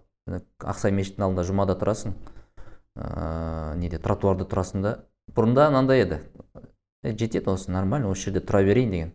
Ана жолы қараймын кітаптың мәселесімен максимайзерлік қосып қосып жұмаға барсам неге мен мына жерде тұрмын деген сияқты. Неге мына жерде бір қосымша мешіттің несін салып қоймайды неге төсек қоймайды деген андай. дәке дәке мынандай бар ғой менде қызық теория бар бізде қазір андай бар ғой типа ә, сенің кім екенін білу үшін сен ең ә, жаныңдағы ең жақын бес адамның там орташасысың деп айтады ғой. Мен айтқым мынандай айтқым келеді да.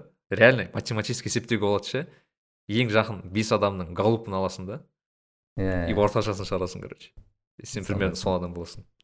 Мне кажется. әдемі. Әдемі иә иә. Сондай ықпалы бар. То есть галып өзгереді да ол сенде мысалы ол кейбір енді айтады ғой хард софт таланттар деген. Бір өзгереді өзгер, өзгеруі қиын өзгеруі оңай таланттар бөлінеді ғой. Бірақ ә, менің ойымша максимайзер менің жағдайымда ол софт сияқты. Өйткені байқаймын қазір тапсырсам мүмкін бір отыз емес бір он бестікке кіреді деп ойлаймын. Сол сияқты. Ыыы сосын бағана сен айтып отырсың ғой екі жүзділік сияқты. Менің ойымша ол индивидуализация ғой. Әр адамға жеке подход жасау. Әр адам ол ә, сондай нәрсе бар.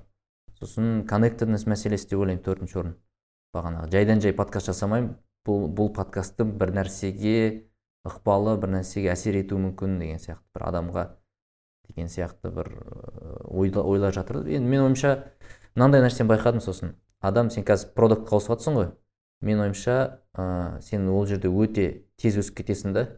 И скорее всего ол жерде береке болады деп ойлаймын. Неге десең мен біраз мысалдар көрдім жан жағымда адам галопына топ таланттарына сәйкес ә, іс әрекеттерді іспен айналыса бастаса оның прогрессі өте тез болады. Өйткені бір мынандай статистика бар да енді есімде жоқ нақты сандары. Анау ә, мысалы бейсболда ә, гольфта допустим бірнеше удардан ә, не лункаға салу деген бір статистика бар ғой. Неғұрлым аз удармен салсаң соғұрлым мықтысың деген сияқты. Сол жерде бір орташа көрсеткіш бар енді 30 деп айтайық. Орташа. А өте жақсы деген шамамен содан кейін басталады да. То есть шекарасы өте жақын орташамен өте жақсы дегеннің. А, яғни ә, адам не үшін галлопына сәйкес іспен айналысқан кезде тез өсіп кетеді осы мәселеде ол өйткені жоғары деңгей мен орташаның арасы өте кішкентай ғана бір не қадам. И топ талантты қолдану сол қадам болып саналады. Демек ә, мен оны былай кітаптан ғана алып тұрған жоқпын өмірден көріп жүрмін да. Бізде мысалы әріптестер болды сөйтіп ә, позициясын ауыстырған ә, сол кезде мен өзім де бір мысал деп айта аламын. Ә, то есть өте тез өсіп кететін айтады ғой тез өсіп кетудің бір қадамы осы деп ойлаймын мен. Бұйырса өзім соған yeah. іштей бір сенім бар. Ә, бұйырса и мәселе мынандай мен жақында ә, табиғат ағаның бір бір постын оқып қалдым да сол кезде мынандай бір мәселені айтты да адам мақсатқа неге жетпейді деді да. Немесе қалай или дұға туралы айтты ма немесе мақсат қою туралы айтты ма? Бірақ мағына мынандай адам мақсатын сұрамау керек дейді да мысалы сен ә, құранда келтіреді да мысалы алла тағала фатиха сүресінде не деп айтады? дейді да маған түзу жолды бер дейді да жолды сұрайды дейді да яғни. Яғни жолға сал иә. сол апаратын иә? Негізі жанатты сұраса болатын еді ғой дейді да бірақ не, не неге жанат деп жолды сұрайды дейді да. Яғни сол секілді адам да дейді негізі ә, мысалы мақсаттан гөрі мысалы бай бой, бай болу деген мақсат болса ол жолды сұра дейді сен мысалы. Адамдарға пайда болу жолын сұра. Адамдардың өзінің ә, тиімділігіңді көтеретін жолды сұра. Ә, немесе мысалы мен мен қалай мақсат көрдім? Маған продукт жасау қызық болса маған қазақстанды дамытатын жарыққа шығаратын продукт жасауға керек білімді ә, білім және тәжірибе алатын жол керек маған мысалы соны осылай көрдім мысалы. Жолды сұрамын да мен жол не есіме түсіп тұр тойота бар ғой. Мхм тойота кайдзенді қолданған кезде олар ә, бүйтіп айтқан жоқ та біз ә, нөмір бірінші сапалы машина шығаруымыз керек деген жоқ негізі олар. Олар біз тиімділікке жетеміз деп ойлады да. То есть эффективностьті қуалады олар. Yeah. Иә. а машиналар жай побочный эффект қой. Сол ғой. И мен де түсіндім. Иә. Мынау ақша мәселесі де сондай сияқты менің ойымша.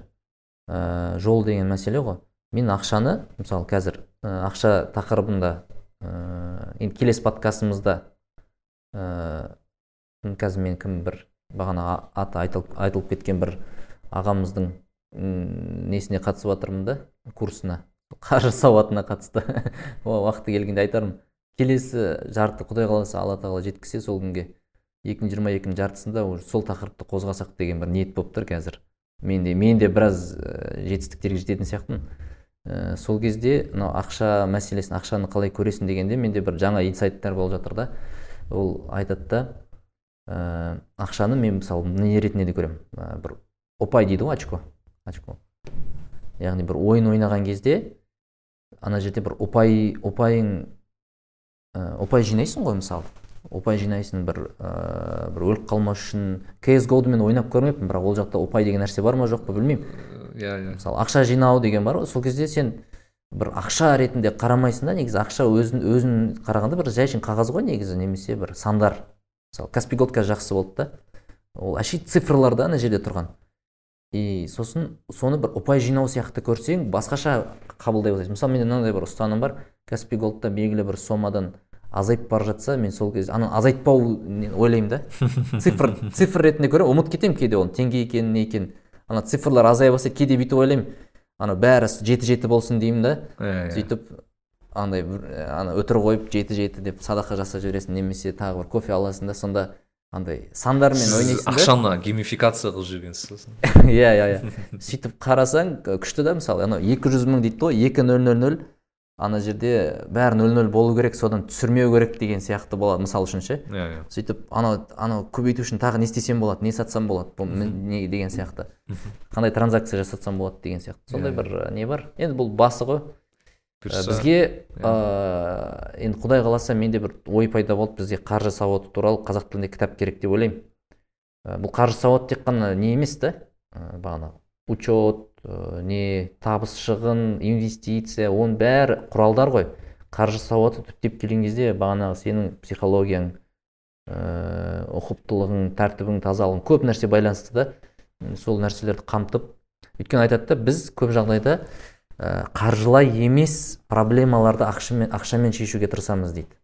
Мысалы баласына көңіл бөлмейтін әке қымбат зат сатып алып беру арқылы соны ә, орнын жабуға тырысады немесе әйелімен тағы бір мәселе болуы мүмкін. Немесе басқа біреуге бір нәрсе дәлелдеу үшін қысқасы түптеп келгенде ол ақша өздігінен ештеңе емес просто ә, ол біздің бағанағы психологиялық мәселелер бар. Көп көп нәрсені сіз жақында жазып едіңіз ғой ә, телеграмда ақша деген энергия деген иә. Э, телеграм менің телеграм каналым қойып қойыпсыз да сол кезде қызық болған. Мен оқыдым вау дедім да.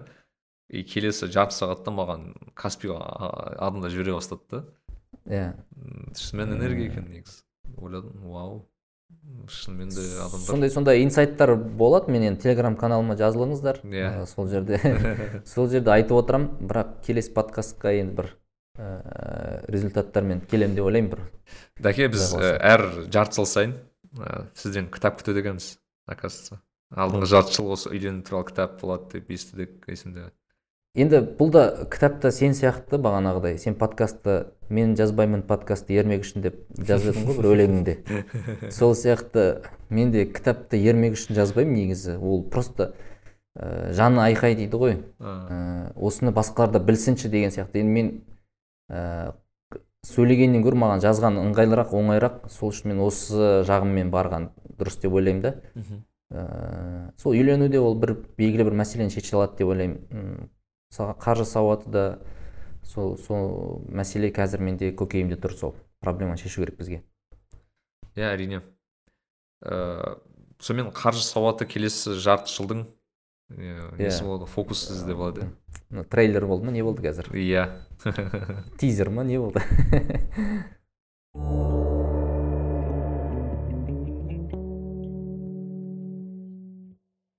Дәке менде мынандай сұрақ. Ә, сіз тәуелсіздіктің несі екенсіз? Құрдасым ба мен негізі қазақ неде туылғанмын? Қазкср да туылғанмын. Казкср тұрып бірақ ә, мектепті уже Иә. ғой? Садикті қазақстанда бардыңыз. Ә, мен енді жақында ойландым. 30 жыл деген негізі былай қарасаң мысалы сіз енді несіз ғой анау? Недегі ирина крайтон түсірген ана ә, алдиктің рөліндегі ана жігіттің аты кім? Еді? азат па еді? сол азат азаттың Азат, рөлінде сізсіз ғой негізі ол жерде по идее. Былай ойланып қарасаң. Иә. бірақ енді біз ата апамның қолында өспедім мен? Ыыы мен шамамен біздің біздің ыыы біздің өміріміз ғой былайша айтқанда. Иә. Мен, мен сүрген өмір деген сияқты ұқсайды ғой. мен просто мынандай ой келді. Жалпы алғашқы мен просто ойланып қарадым да қызық аналогия болды. Мен мысалы ойланып қарасаң алғашқы бес жыл ну адам туылады ғой. Алғашқы бес жыл самый непонятный негізі. Ол адам адам адам емес вообще. Типа ол ну имеется в виду еңбектейді жылайды несі там секіреді Иә, күледі иә. там. В общем мынандай да а, вообще там қатты өзгерістер болады. Келесі бес жыл формирование личности. Яғни көбінесе адам миы пайда болады кішкене сосын ақ пен қараны ажырата бастайды кітап оқи бастайды деген сияқты. Келесі бес жыл есею болады кішкене сосын да адам он он беске жасқа келген кезде уже кішкене бір мінез пайда болады адамда там ұстанымдар пайда болады деген сияқты. Келесі бес жыл м білмеймін уже есе, есею есеюдің процесі жалғаса береді иә. Ол мысалы уже ә, приоритеттер түсіне бастайды да өмірдегі мысалы. Мен университет таңдайды мысалы. Ә, болашақ мамандығын таңдайды. Вот. Келесі бес жыл жиырма жиырма бес арасы мүмкін андай шығар иә. Ә, кейбіреулер үйленіп жатады. Кейбіреулер ыыы ары қарай өзінің өмірін қай қай бағытқа кететінін шешіп жатады. Вот. И ал 25-30 ол уже мен біз менің жасым сіздің жасыңыз да примерно. Ол уже енді отыз отыз плюспын ғой мен. Сіз отыз плюс болып тұрсыз бірақ мысалы мен жиырма жетідемін қазір. И мен ойландым значит менің жағдайым менің жағым ол мен не туралы ойлаймын. Мен мысалы ә, болашақ келесі бес жылымды ойлаймын әрине. Келесі он жылда жиырма жылда не қандай проекттер жасаймын соны ойлаймын деген секілді. Бірақ қайткен күнде де мен ә, не істеп жатырмын дамып жатырмын әлі де. И ә, параллельно өмірлік нелерімді ә, құндылықтарымды нелерімді әлі тауып жатырмын да. И отыз плюс бар. Уже сіз айтпақшы қырыққа дейін уже не ойлайсыз. Менің ойымша осы отыз отыздан кейін адамда бір мудрость дейді былайша айтқанда осы даналықтың бір иісі келе бастайтын секілді ол қырықта уже кішкене уже білдіре, білдіре Кем- бастайсың. кемеліне жете кемеліне жетеді иә кемеліне қырықта жететін секілді көрінеді да маған. Мысалы мен неге олай айтып отырмын? Мысалы даже табиғат ағалар дандай ағалар мен өте көп алдым. Өйткені ол кісілер сол как раз қырыққа жетіп қалды да уже. Сол сол ә, аралықта жүрді и уже өмірден көп бөлісе алады неге? Өйткені энергия әлі бар тәжірибе көп ә, уже біраз именно согында тұр да былайша айтқанда. И мен ойландым мемлекеттің жағдайы да тура осы болды деймін да былай қарасаң. Тура сол бүкіл нені өттік та біз ше былай қарасаң. Халық та соны өтті мемлекет те соны өтті политика соны да өтті. И біз отызға келдік қазір. И мен ойладым значит отызға келдік. И уже даналықтың бір несі көр- көріне басталу керек уже негізі. И көріне басталды да деп айта алар едім. Өйткені мен қазір ыыы уже жастар өзгеше да дәке өйткені мысалы мен қазір балалармен сөйлесесің оларды шетел уже бұрынғыдай қызықтырмайды көп балалар өйткені олар көріп жатыр былайда да болады екен ғой деген секілді. Мысалы мен өзім сол өзгерістен өттім. Өйткені мен кетер алдын ондай ойда болмадым да. И все таки көшкеннен кейін барып түсіндім оның құндылықтарын. Біздің құндылықтар осы екен ғой деген секілді. И үмітім бар да. Келесі он жыл енді қатты өзгермесек те трендіміз дұрыс болады деген секілді. Өсу рен- тренді қалады деген секілді. Өйткені ыыы мемлекет деген оказывается дәке не емес екен да мен мен түсінгенімде ол жер емес ол белгілі бір политиктер емес ол тұратын адамдар да негізі. Сенің туысқандарың достарың ыыы біздің тыңдармандар немесе осы осы адамдар ғой негізі мемлекет деген мысалы. И олардың дамуы значит мемлекеттің дамуымен пара пар да. И мен бір жағынан қуанатын зат ол подкаст тыңдау арқылы да мен де бір үлесін қосып жатырмын деген бір үміт опять таки просто ә, мен ә, түрлі енді орталарда болған кезде бір орталар бар өте пессимист ойда жүреді. Шын айтсам. Яғни ол бітті там потеряли страну қашу керек кету керек бүйту керек сөйту керек дейтіндер бар. Олармен сөйлесе алмайды екенмін шын айтсам. Өйткені олар ыыы үмітін үзген адамдар деп айтармын көбінесе. Мен оларға сөйлесіп айтқанмын сендер үмітін үзгенсіңдер. Ну вам терять нечего деген секілді. Өкінішке орай әрине. Бірақ ну өздерінің мүмкін ыыы несі сондай шығар. Маған нареке осы сен ондай жігіттермен қыздармен былай араласасың таныси танысың ғой. Үмітін үзген мысалы елден үмітін үзген дейікші Иә. өмірден емес. Елден үмітін үзіп елдің болашағын үміт үзіп солар енді шетелге ұмтылады жарайды шетелден жұмыс табады сол жақта істейді. Маған солардың ары қарай өмірі қызық та олар қаншалықты бақытты болады. Мүмкін сен оны әлі ол динамиканы әлі байқамаған шығарсың. Иә бірақ тоже бақылап көретін нәрсе ол осы жерде жүріп осы елдің үміт ә, болашағынан үміт үзіп кетті ана жаққа. И Иә. ар жақтағы өмірі қандай болады?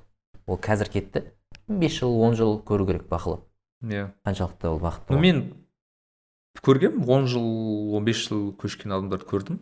Бірақ ыыы қалай айтсам екен? Ол аты қазақ болуы мүмкін түрі қазақ болуы мүмкін мүмкін даже қазақша білуі мүмкін бірақ ойымен жүрегімен қазақ емес ол кісілер уже кішкене. Мм. мен солай айтамын енді ну точно айта аламын өйткені мен ол кісілерде оны растай олар бақытты деп. ойлайсың ба? Түріне Э, мүмкін бақытты. Ол опять-таки бақытты, просто ыыы құндылықтарға байланысты ғой. Бақыт деген құндылықтардың несі ғой? Ыыы жиынтығы да яғни олардың ыыы былайша айтқанда былай да дәке егер бақыт саған ол отырып ә, барда пиво ішу ә, бар футбол қарау барып там не знаю не ғой европалықтар не істейді соның бәрі осы сен сен бақытты сыйлайтын болса әрине сен бақыттысың.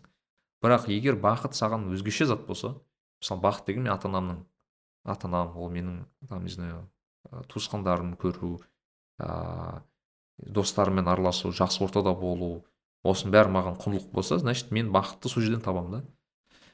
Просто бұл жерде андай патриоттық мағынада бақыт. Мысалы нұрлан сабуров ыыы кет, кетті деген енді ресейде жүрді ғой көп. Иә. Сосын бір сұхбатында айтты ғой бәрібір де андай елге бір нәрсе беру керек сияқты деген бір ойын айтты ғой. Мхм. өз өзіңе өз өзіңмен жүре бере алмайды екенсің. Қанша жерден мықты не бол қанша жерден ресейді мойындат.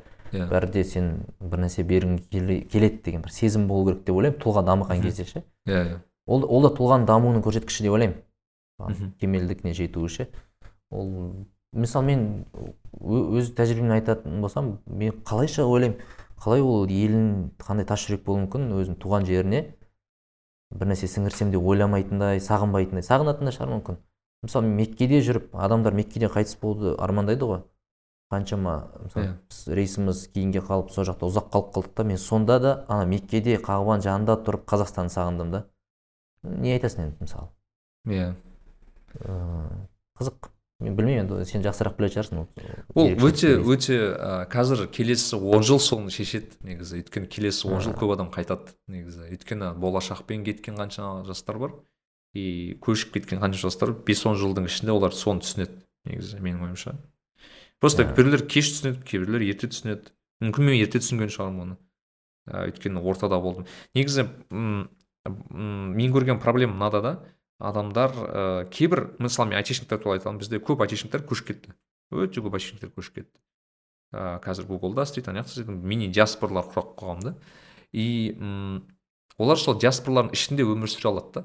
Түсінесіз ба мм. Мини диаспораның ішінде олар комфортно өзін өз өмірін сүре алады. Бірақ ма мен сүре аламын әрине ондай ортада бірақ мен диаспорам диаспора болғым келмейді да просто дәке мм. түсінесіз ба яғни мен кәдімгідей қоғамда өмір сүргім келеді. И ол қоғамды көру үшін мүмкін мен ыыы белгілі бір і, дүние жасауым керек мысалы мен. Елге пайдам болуым керек былайша айтқанда. Подкаст болсын не болсын ыыы пайдам тигізуім керек та. И былайша айтсам какого дела да мысалы мен былайша айтқанда бір голландықтардың өмірі олардың тағдыры олардың мәдениеті қызық емес. шын айтқанда. Әрине қызық олардың қалай істегендері қызық та бірақ олардың болашағы маған қызық емес. Өйткені Иә. не өйткені ол маған голландықтар маған былайша айтқанда ештеңе істемеді. Ә, особо дейтін. Ну мен оларға налог салық төлеймін ә, мен оларға барлық ә, мемлекет ә, бер деген заттарды беремін істе деген заттарды істеймін. Бірақ ә, голландия маған білім бермеді. Голландия маған былайша айтқанда мүмкіндіктер бермеді. Ну мүмкіндіктер берген шығар жұмыс жағынан тәрбие тәрбие тәрбие бермеді. маған ондай заттар бермеді маған берген қазақстан оны. И мен оны қайтаруым керек. Мен, мен солай түсінетінмін всегда. И м, бағана проблема айтишниктермен мен айти адамдардың проблемасы мынау да көбінесе. Олар ә, оны түсінеді әрине. Бірақ комфорт мәселесі бар да өте қатты. Өйткені ә, кез келген ірі компания өте көп төлейді негізі. Өте көп төлейді. Менде де болған жағдай да екен. Мен просто отырдым да алдында ә, алдыңғы жылы мысалы маған лондонға көшуге бір не ой, ой болған. И бір екі лондондық ірі ірі сіз білетін мен білетін компаниялар ұсынған жұмыс. Мен тұрдым да ойландым. Зачем маған дедім да ол сұрақ. Мен өз өзіме жауап бере алмадым. То есть мен тапсырғым келеді бірақ не үшін тапсырып жатқанын түсінбеймін да иә. И өз өзіме жауап таба алмадым. Ақыры содан кейін қойдым дедім. Мен өзім сұрағыма жауап бергім керекпін ғой дедім қызық қой мен просто ыыы сонда не болды сонда мен мақсатсыз өмір ғой мынау дедім да ну қызық қой. Иә. Мен жұмысқа предлагать етеді мен барамын. Ана жаққа барамын мына жаққа барамын сонда мен не үшін жүрмін деген сияқты. Просто андай не сияқты болып қалуы мүмкін да? Қымбат бағаға істейтін құл сияқты. Вот вот мысалы қараңыз. Ана не бар ғой? Ыыы денежный Қымбат ақшаға денежная мотивация деген бар ғой. Ақшамен келетін мотивация ең төменгі мотивация ғой негізі. Иә вот бүкіл мотивацияның түрлі принциптер болса ақша мотивациясы ең төмен ең ә, құны жоқ мотивация екен да негізінде. Неге? Себебі ол мысалы жұмысқа алатын болса сіз енді HR болып жұмыс істейсіз. Егер адам маған ақша төлем или мен кетемін десе значит ол ну типа келесі жолы келесі компанияда да солай жасайды негізі. Иә. А, ол өте ол ондай адамдармен лучше ну типа сразу қоштасқан дұрыс дейді қоштасқан дұрыс па? Өйткені шынымен адамды ә, миссия двигать ету керек. Әрине ол өте андай спонтан андай бір күшті естіледі да миссия деген. Жоқ миссия деген кезде мен мұсылман адамның көз болсын адам өзінің өз істеп жатқан ісінде мағына көру керек былайша айтқанда. Өйткені жұмыс істеу ол да сауапты іс болу керек. Ол да бір садақа ғой былайша айтқанда адамға жасап жатқан көмегің мысалы. Е, егер соны көре алсам адам әрине қалады мысалы. Ал егер сен көрмесең қойды саған не знаю бір ә, ақша көп берсе де сен одан береке көрмейсің. Просто береке дегенде сіз бағана бастап өттік. Береке деген мен былай көремін да береке деген математикамен қарасаң мысалы x суммасы болса ол сенің зарплатаң. Береке сол коэффициент короче. Түсінесіз ба? Иә яғни мысалы миллион теңге алу мүмкінсің берекең нөл екі да сенің түсінесіз ба и сенің көбейткен кезде шығатын сумма вот сол короче сенің ііі нең ііі жарты несі да типа содан қалатын сумма да? Ал бір адамдар бар жүз мың теңге бірақ ііі берекесі x двадцать да короче? X жиырмамен көбейеді мысалы. Соответственно соңғы суммасы осындай мен солай ііі и, бұл жағынан дін жағынан да келеді өйткені өйткені алла тағала еселенеді дейді ғой. Еселену деген математика бойынша ол көбейту ну негізі былай операциясы да. Сос- сосын ыыы мына нәрсені айта кетейінші. Мынау ризық пен байлық деген нәрсені дұрыс түсіну керек деп ойлаймын. Иә. мысалы сенде счетыңда ыыы мысалы миллион доллар жатуы мүмкін. Бірақ ризық деген сенің ол а- тамағыңнан өткені үстіңе кигенің и ар жаққа жібергенің ғой. Былайша айтқанда негізі. Иә. То есть сенің миллион теңгең миллион долларың бар болғаны ол сенің әлі ризығың емес қой. Солай түсіну керек та Иә. то есть счетыңда жатуы мүмкін ақша но ол саған берекелі ризық бола ма берекесіз бола ма сен білмейсің. Иә то есть солай қарау керек та еще ризық бағанағы мәселе ғой жүз елу мың теңге тапса да үш жүз мыңға ыыы киінеді еще қарызға батпайды еще артық ақшасы қалады деген сияқты мхм, мхм. оның не болып тұр ғой екі икс болып тұр ғой несі болып тұр ғой өмір андай не болады иә, өмір андай бір жеңілдей жеңілдей бастайды екен осындай жеңіл түсіндірсең адамдарға мысалы береке деген не дейді? Мен осылай түсіндіре саламын ол такой а окей дейді типа миын ашытпайды Ә, кітапқа байланысты дәке ә, мен ә, бұйырса ә, жақында мынадай өзіме миссия таптым бұл подкастта ә, мен кім тим ферристің не следователі болдым. Енді құдай қаласа тим ферриспен кездесіп қолын алғым келіп жүр ол кісінің. В общем ә, тим феррис кітап шығарған. Өзінің подкасттарының жиынтығын бәрін сығып ең күшті дейтін жерлерін кітап шығарған. И мен жақында ойландым. Ә, жалпы қазақша кітаптар аз оқимын. Бірден бір себеп мен қызық информация таппаймын оның ішінде. Шын айтсам. Мені өзгертетіндей. Мен шынымен бір ә, қызықтыратындай не таппаймын. И мен ойландым а, подкаст мен ондай табам значит мен ол подкастты должен типа как то форматын өзгертіп адамдар ұсына білуім керек негізі. Өйткені ол мировой практикада бар. Ә, яғни мысалы тим ферристің өте мынандай өте қалың кітаптар бар. Негізгі контент өзі сөйлескен сұхбат алған кісілердің қалған информация да. Және ол инф- информация бағалы себебі ол ол қиналып тұрып өзі жазған жанында отырып тыңдаған оның біреу көшірген текстқа да мысалы. Мен жақында сол ой келді да. И мен бұйырса ә, келесі бір екі жылдың ішінде кітап шығару ойда бар. Ә, именно кітап андай форматта. Ә, мен мысалы әрбір қонақты өзімнің ұстазым көремін. Сіз менің ұстазымсыз табиғат аға менің ұстазым там басқа басқа келген адамдар бәрі менің ұстаздарым. И адамдарға қазір өмірде ұстаз жетіспейді екен дәке соны түсіндім. Өмірлік ұстаздар жетіспейді да. И маған көбінесе келген сұрақ менторды қайдан табамыз? Ұстазды қайдан табамыз? деген сұрақтар болады да. Өте қиын сұрақ өйткені өзім жауап бере алмаймын әлі. И мен бірақ былай түсіндім. Мен ұстазды оған тауып бере алмасам да оған ұстаздар ұстаздар жазған кітапты бере аламын да. Былайша айтқанда мүмкін сол кітапты оқу арқылы ол өзіне ұстаз табады өмірлік. И андай андай формат жазғым келетін. Ә, әрбір нені м ә, белгілі бір тақырыпта мысалы сіз мысалы қаржылық сауат дейсіз да қаржы туралы. Мысалы жазасыз мысалы ә, біз сырымбек ағамен там бизнес туралы жаздық. Там табиғат психология туралы жаздық. И осыны бір дұрыстап сараптап әдемі текстпен инфографикамен не істеп қағаз жақсы немен уже да ыыы мүмкін сіздер арқылы басқа кісілер арқылы шығарып ә, шынымен ә, ниет реально жас келесі, келесі ұрпаққа бір нәрсе қалдыру олар кісілерге осы ә, менде андай сұрақ болатын шынымен дәке вот мен сізге бірінші рет отырмын енді осыны осы туралы. Мен ойлайтынмын мынау ә, мен осы өмірден қайтсам мен не қалдырамын деген сұрақ болды да жақында. И мен понятное дело айттым подкаст мен қалдыратын шығармын бірақ мен подкасттың қандай форматын қалдырамын деген сұрақ болды да. Аудио тыңдамайды ғой адамдар дедім да іштей типа бәрі тыңдай бермейді. И ютубты да бәрі қарай бермейді негізі. И мен ойладым а окей значит маған бұны форматын өзгерту керек значит ол қағаз қағаз ешқашан ол классика ол ешқашан кетпейді деген секілді. Ә, ойландым. И бір жағынан мен өзім кітап жазатын адам емеспін да бірақ мен кітапты проецировать ететін адаммын да. Мен солай түсіндім. Мен мостикпін былайша айтқанда арасында адамға бір тың информация беру деген. Бұйырса так что осы айтқым келген. Бұйырса маған дұға айтып қойсаңыздар бұйырса соны қолға алып жатырмын. И ыыы былайша айтқанда ментор былай проектный название менторлардың кітабы деп па сондай бір өзіме ат қойып қойдым. Мен әзірге андай ой келмеді. Ментор деген бір кітап шығайын деп жатыр. А окей. Иә әріптесіміз. Әріптесіміз емес ә, тоже баспа ісіндегі бауырымыз просто бізде андай не мен неге олай қойдым? Өйткені кімде? Тим ферристен кітап бар. Mentors tribe of mentors деген ба бір кітабы бар.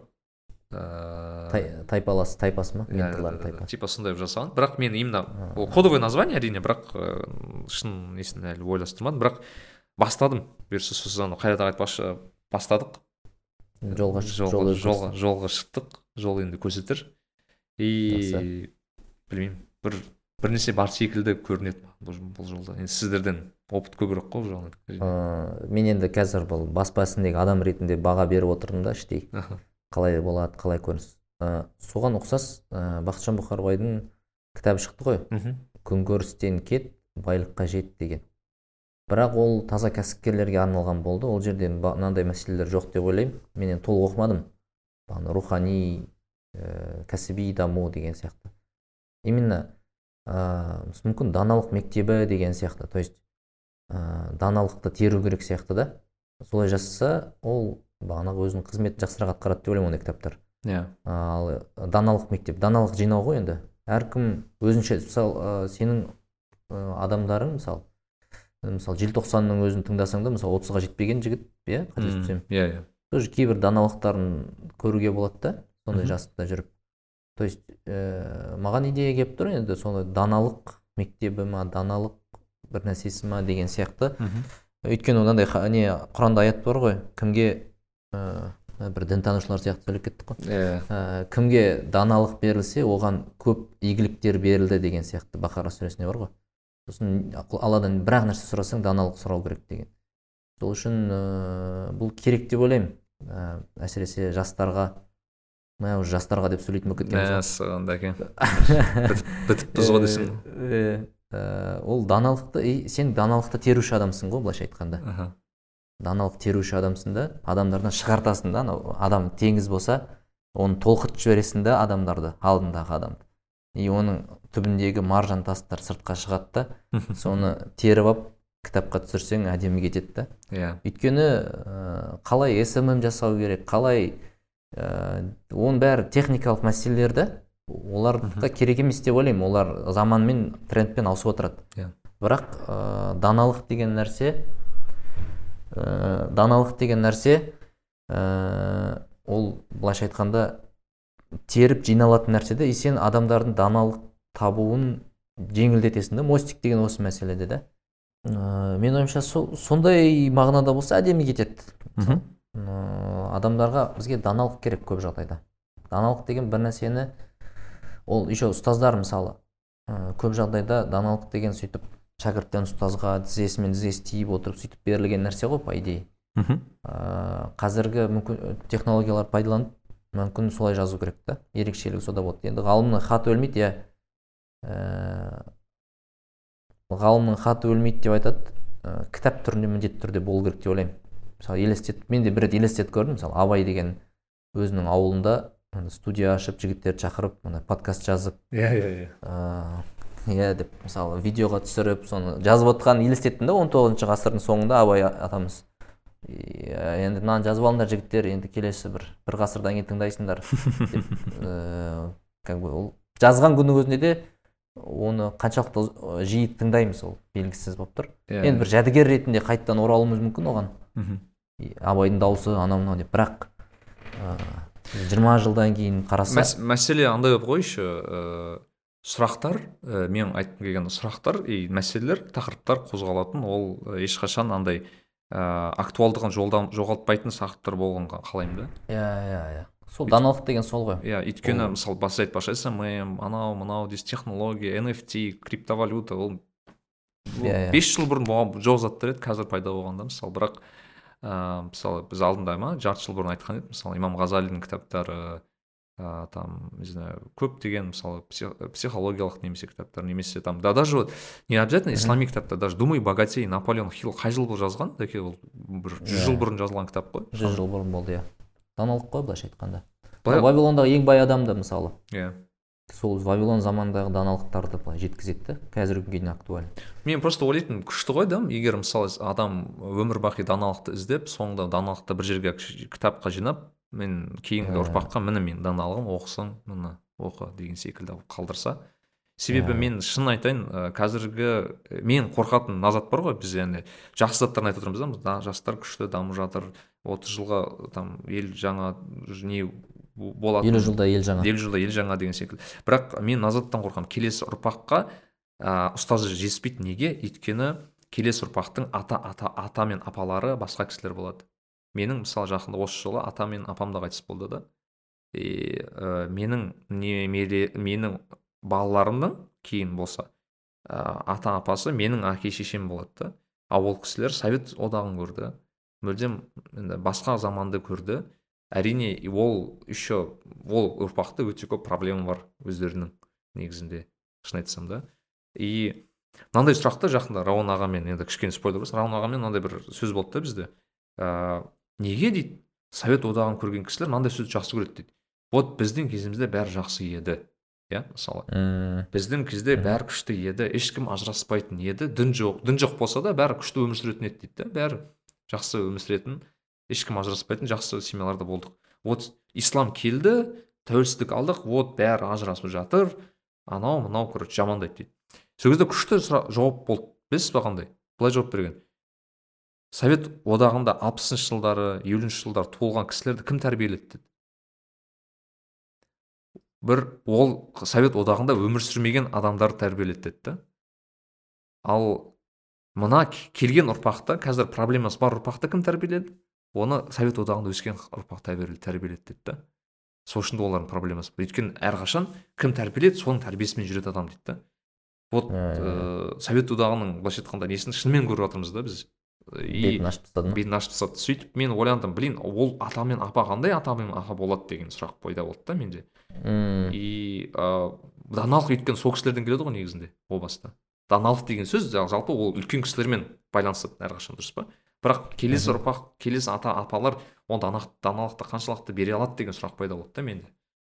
Вот сол жағынан кішкене бірақ ә, осыған қатысты бір бір ә, бір замандасымыз мынандай сөз айтқан. Ол отыз жасында қуып жүрсе мысалы Иә.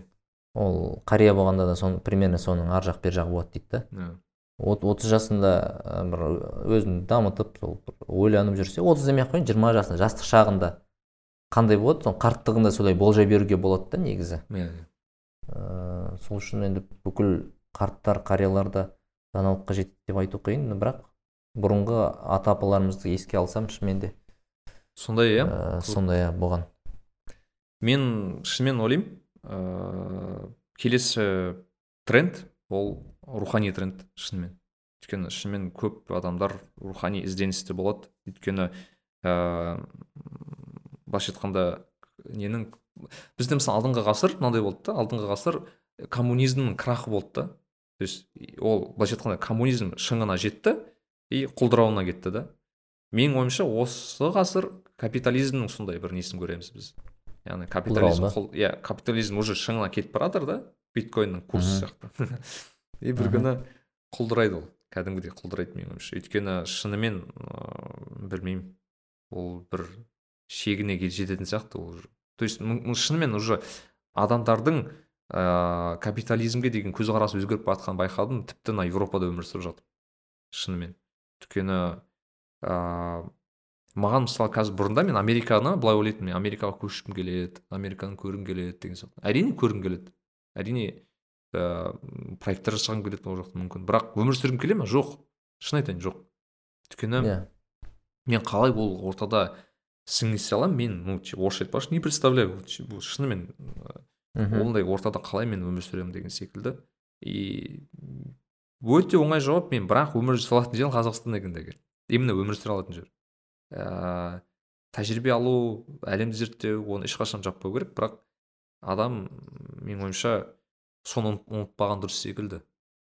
Яғни ешқашан сен өз, өз ортаңнан басқа орта таппайсың. И өз ортаңнан басқа ә, дами ну рухани именно дами айтайыншы мен мысалы руханият жағынан ең көп әсер ететін өзің ортаң ғой негізінде менің ойымша. Вот сондай ой оймен. Бүгінгі подкастты аяқтаймыз ба? Қалай істейміз? Сөйтейік иә. Иә концентрированно біраз нәрсе айтылды деп ойлаймын. Иә өте көп не болды? Так не дейміз? Дәке может жиырма жаңа жылда бір айтар сөзіңіз бар шығар мүмкін қандай? Маған андай билбордқа ештеңе жазғызбайсың ба маған? А жаңа жыл қазір жоқ жоқ алматыда ше? Былай ғой қазір алматыда жаңа жылыңызбен деп тұрады ғой мен оны ұнатпаймын да. бос емес бос емес дейсің ғой. Жоқ жоқ анау жаңа жылмен деп тұрады да жаңа жылмен еш қызық емес қой мысалы одан да мен мысалы бір тілек болса мүмкін бір ой болса бір даналық болса айтпақшы бүгін даналық деген хэштег болды ғой бүгін бізде. Иә даналық. отыздан асып барамын деп қоясың ба? Енді ойланып көресің. Мен енді енді даналықтар көп енді айта берсе біздің эфирге сыйғыза алмадық ә, бірақ мен бір нәрсені енді мен қазір жеке даму адамның тұлғалық дамуы деген нәрсені зерттеп жүрмін да. Соңғы кезде бір кейінгі кезде бір түсінген нәрсем бір ә, мүмкін бұрында түсінген бірақ қазір өзіме қатты өткен нәрсе ол ә, ол өз өзіңмен диалог деген нәрсе бар. Мысалы біз ә, баламызды әріптесімізді ә, бір жетістігі үшін немесе бір жақсы жақсы алға жылжып көрсек біз оны қолпаштап мақтаймыз ғой мысалы. Жарайсың жақсы істеп жатсың немесе сүрініп қалса ештеңе етпейді тағы да бір көр деп жұбата аламыз басқа біреулерді. Бірақ егер өзіміздің ішімізге үңілсек біз көп жағдайда өзімізге ол ә, қасиетімізді қолданбаймыз қабілетімізді. Жұбата алу шабыт беру деген сияқты. Бізде көбінесе өз өзімізді басып тастау өз өзімізді жаншып тастау деген момент көп. Табиғат аға да айтады ғой бір сөзінде сені сен сияқты әлі ешкім қинамаған деген сияқты. Сол ә, сосын бір карл юнгтың бір сөзі есіме түсіп тұр ол айтады бір нәрсені ә, қысқарту бір нәрсені азайту бір нәрсені жою керек болса критика өте жақсы нәрсе. Бірақ бір нәрсені қалыптастыру тұрғызу құрастыру керек болса ол тек қана зиянын тигізеді дейді. Сол үшін мен ә, енді көп жастарды әріптес достарымды байқаймын. Мысалы дисциплина жасай алмай ә, дисциплинаны бір орынға бір қалыпқа келтіре алмай жатырмын. Ә, мақсат қоя алмаймын. Тағысын тағы самооценкам төмен. Анау мынау деген нәрселер өте көп айтады да. Мен айтам сен сені былайша айтқанда ішкі өзіңнің ә, диалогыңды былайша айтқанда дұрысташы деймін да. Сен бағанағы біреуге қолданатын қолпаштау сөздерің біреуге қолданатын мотивация сөздеріңді өзіңе қолдан.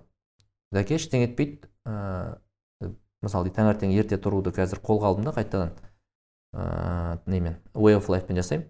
Қызыл болып қалды да менің бұрынғы данияр болса мен айтатын едім сөгетін блин иә сөгетін едім да сен вечно өйстіп бастаған ісіңді соңына бітірмейсің де мысалы үшін. Қазір менде диалог басқа да мен ә, анау айтады ғой нәпсі бір нәпсі нәпсі деген сөзді алайықшы бір. Нәпсі дұрыс па? Біз нәпсімен күресу тиімсіз негізі.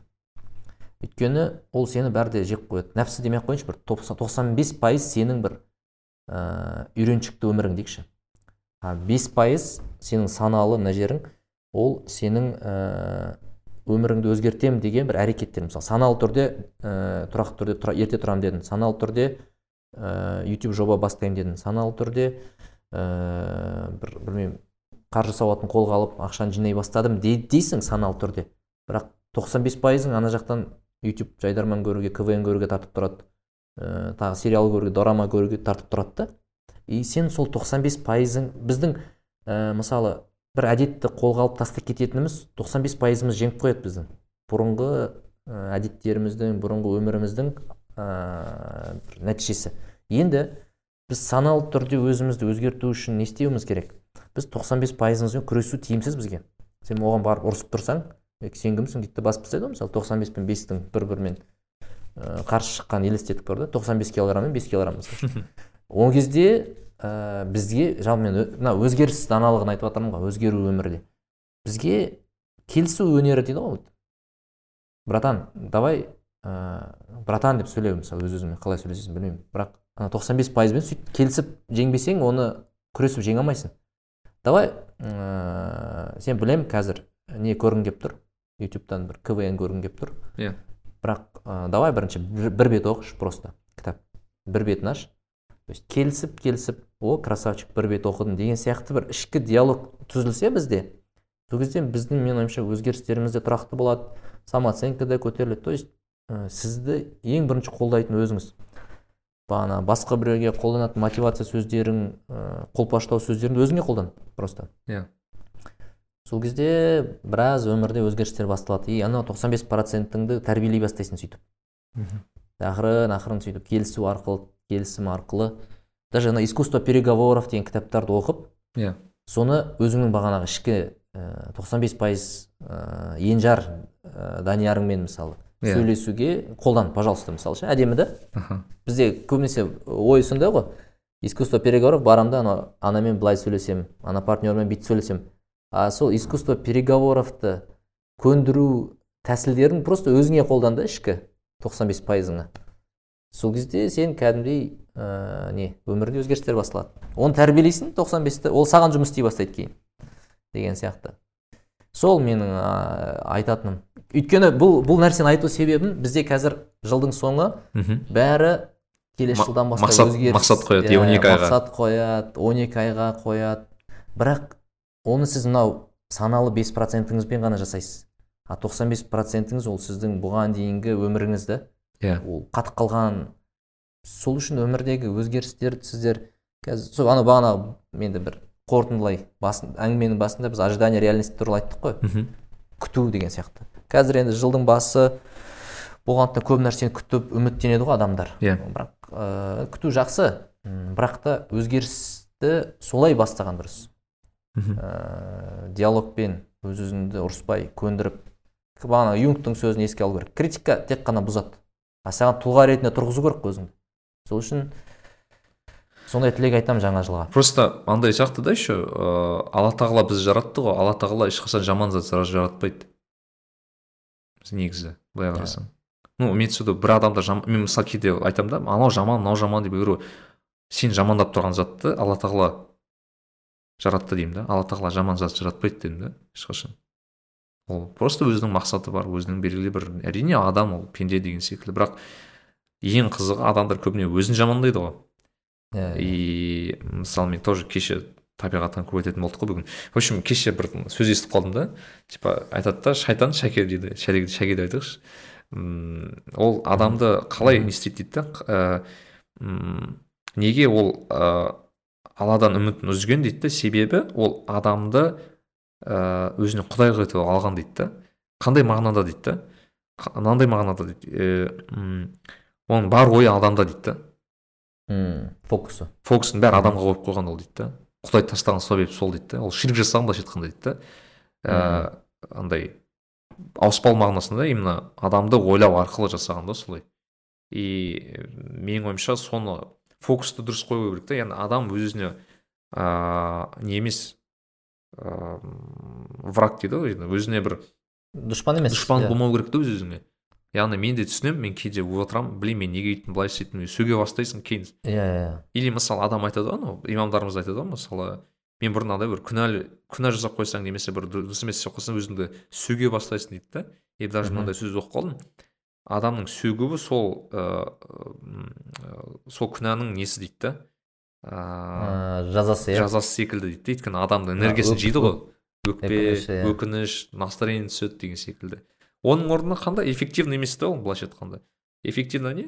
Жамандық бір қателік жасадың ба жақсылық жаса артынан. Жақсылық Ә. жаса жақсылық жасау ол өз өзіңе ә, жылы сөз арнау мысалы. Жылы біреуге арнау иә. Жақсы іс жасау көшім айтқанда керісінше бұра біл да оны. Ол, ол, ол, энергияны Иә. керісінше бұра білсең не жақсы неде боласың так что ол, тіпті айтылады да ғой дінде. Мысалы Иә. жақсы жамандық жасап қойсың ба косяк сразу жақсылықпен жауып таста деген сияқты. И бағанағыдай өкініш түріндегі жазасын алмайсың осы өмірде мысалы үшін. Иә. Просто бізде бағанағы мәселе ғой типа көп жастардың жалқау емес көп жастарды жалқау деп айту мен сөзім батпайды. Бірақ көп Иә. жастарда просто энергия жетіспейді. иә жетіспеудің себебі көбінесе ішкі проблемалар психология гештальт тағы басқа энергия жейтін заттар бар да іштей. Сол соны құтылса келесі жылда иншалла көп затқа жетуге болады. Так что давайте сонымен жұмыс істейік. Ыыы менің сіздерге осы айтарым дәкемен келісемін де осы жағынан қатты. И бұйырса келесі жарты жылда керемет бір жас жарты жыл ақ қояйын жарты жыл деп айтайық дәке келісіп. Иә. Уже мүмкін дәке уже аудио емес. Уже видеода Видео. болады иә иншалла окей. оған тырысамыз. Киімдерімді дайындай берейін иә дайындап қойыңыз біз де дайындап жүрейік. Ә, сіздерге а давай дай- дәке давайте біз кітап демекші сіз енді кітап жазасыз. Ә, қандай кітапты береміз осы жолы? Қазына ә, кітап дүкені арқылы қандай кітапты бере аламыз? Ә, қызық екен иә кітап алдың мүшесі мына жақта. Бірақ бізде ондай не жоқ бәсеке жоқ бізде не әріптестік ә, так қазақ тілінде. Қандай бағыттар болу керек? Жоқ өзің ойыңа келген ба сіз өзіңіздің ойыңа келген. Қазақ тілінде именно бірақ. Ә, мен ойыма келгені енді өз кітабымды айта берейін енді. Болатын шығар бір кітабымды лайфхактарды айттым бұған дейін. Не үшін үйлену керек? Енді менің ойымша бұл подкастты тыңдап отқан адамдар сол жастағы адамдар не үшін Иә. үйлену керек деген кітабымды алыңыздар. Ә, қазақ тілінде біздің менталитетті көрсететін бағанағыдай батыстың орыстың кітабы емес қазақ жазған кітап ә, бұл жерде енді даналық деп ойлаймын мен өзімнің бір жинаған даналықтарымның сығындысы үйленуге Иә. қатысты Иә. сол кітапты алсаңыздар одан кейін ә, қазір м, мазмұндама деген бір жақсы иә ғой. керемет баспа бар мен жұмыстарына ризамын негізі былай жалпы бір әр ә, бәсекелес деп қарамай өйткені бәріміздің істеп жатқан жұмысымыз бағытымыз бір солардың кітаптарының ішінен ә, мына жаңадан аударылды ғой. Неге ә, бай мемлекет бар ғой? Иә иә. Why rich nations nation why nations fail дегеннің қаз, ал қазақша аудармасы өте күшті кітап. Сол кітапты оқу- оқуды ұсынатын едім біріншіден. Неге кейбір елдер бай неге кедей ә, деген сұраққа жауап таба аласыздар деп ойлаймын.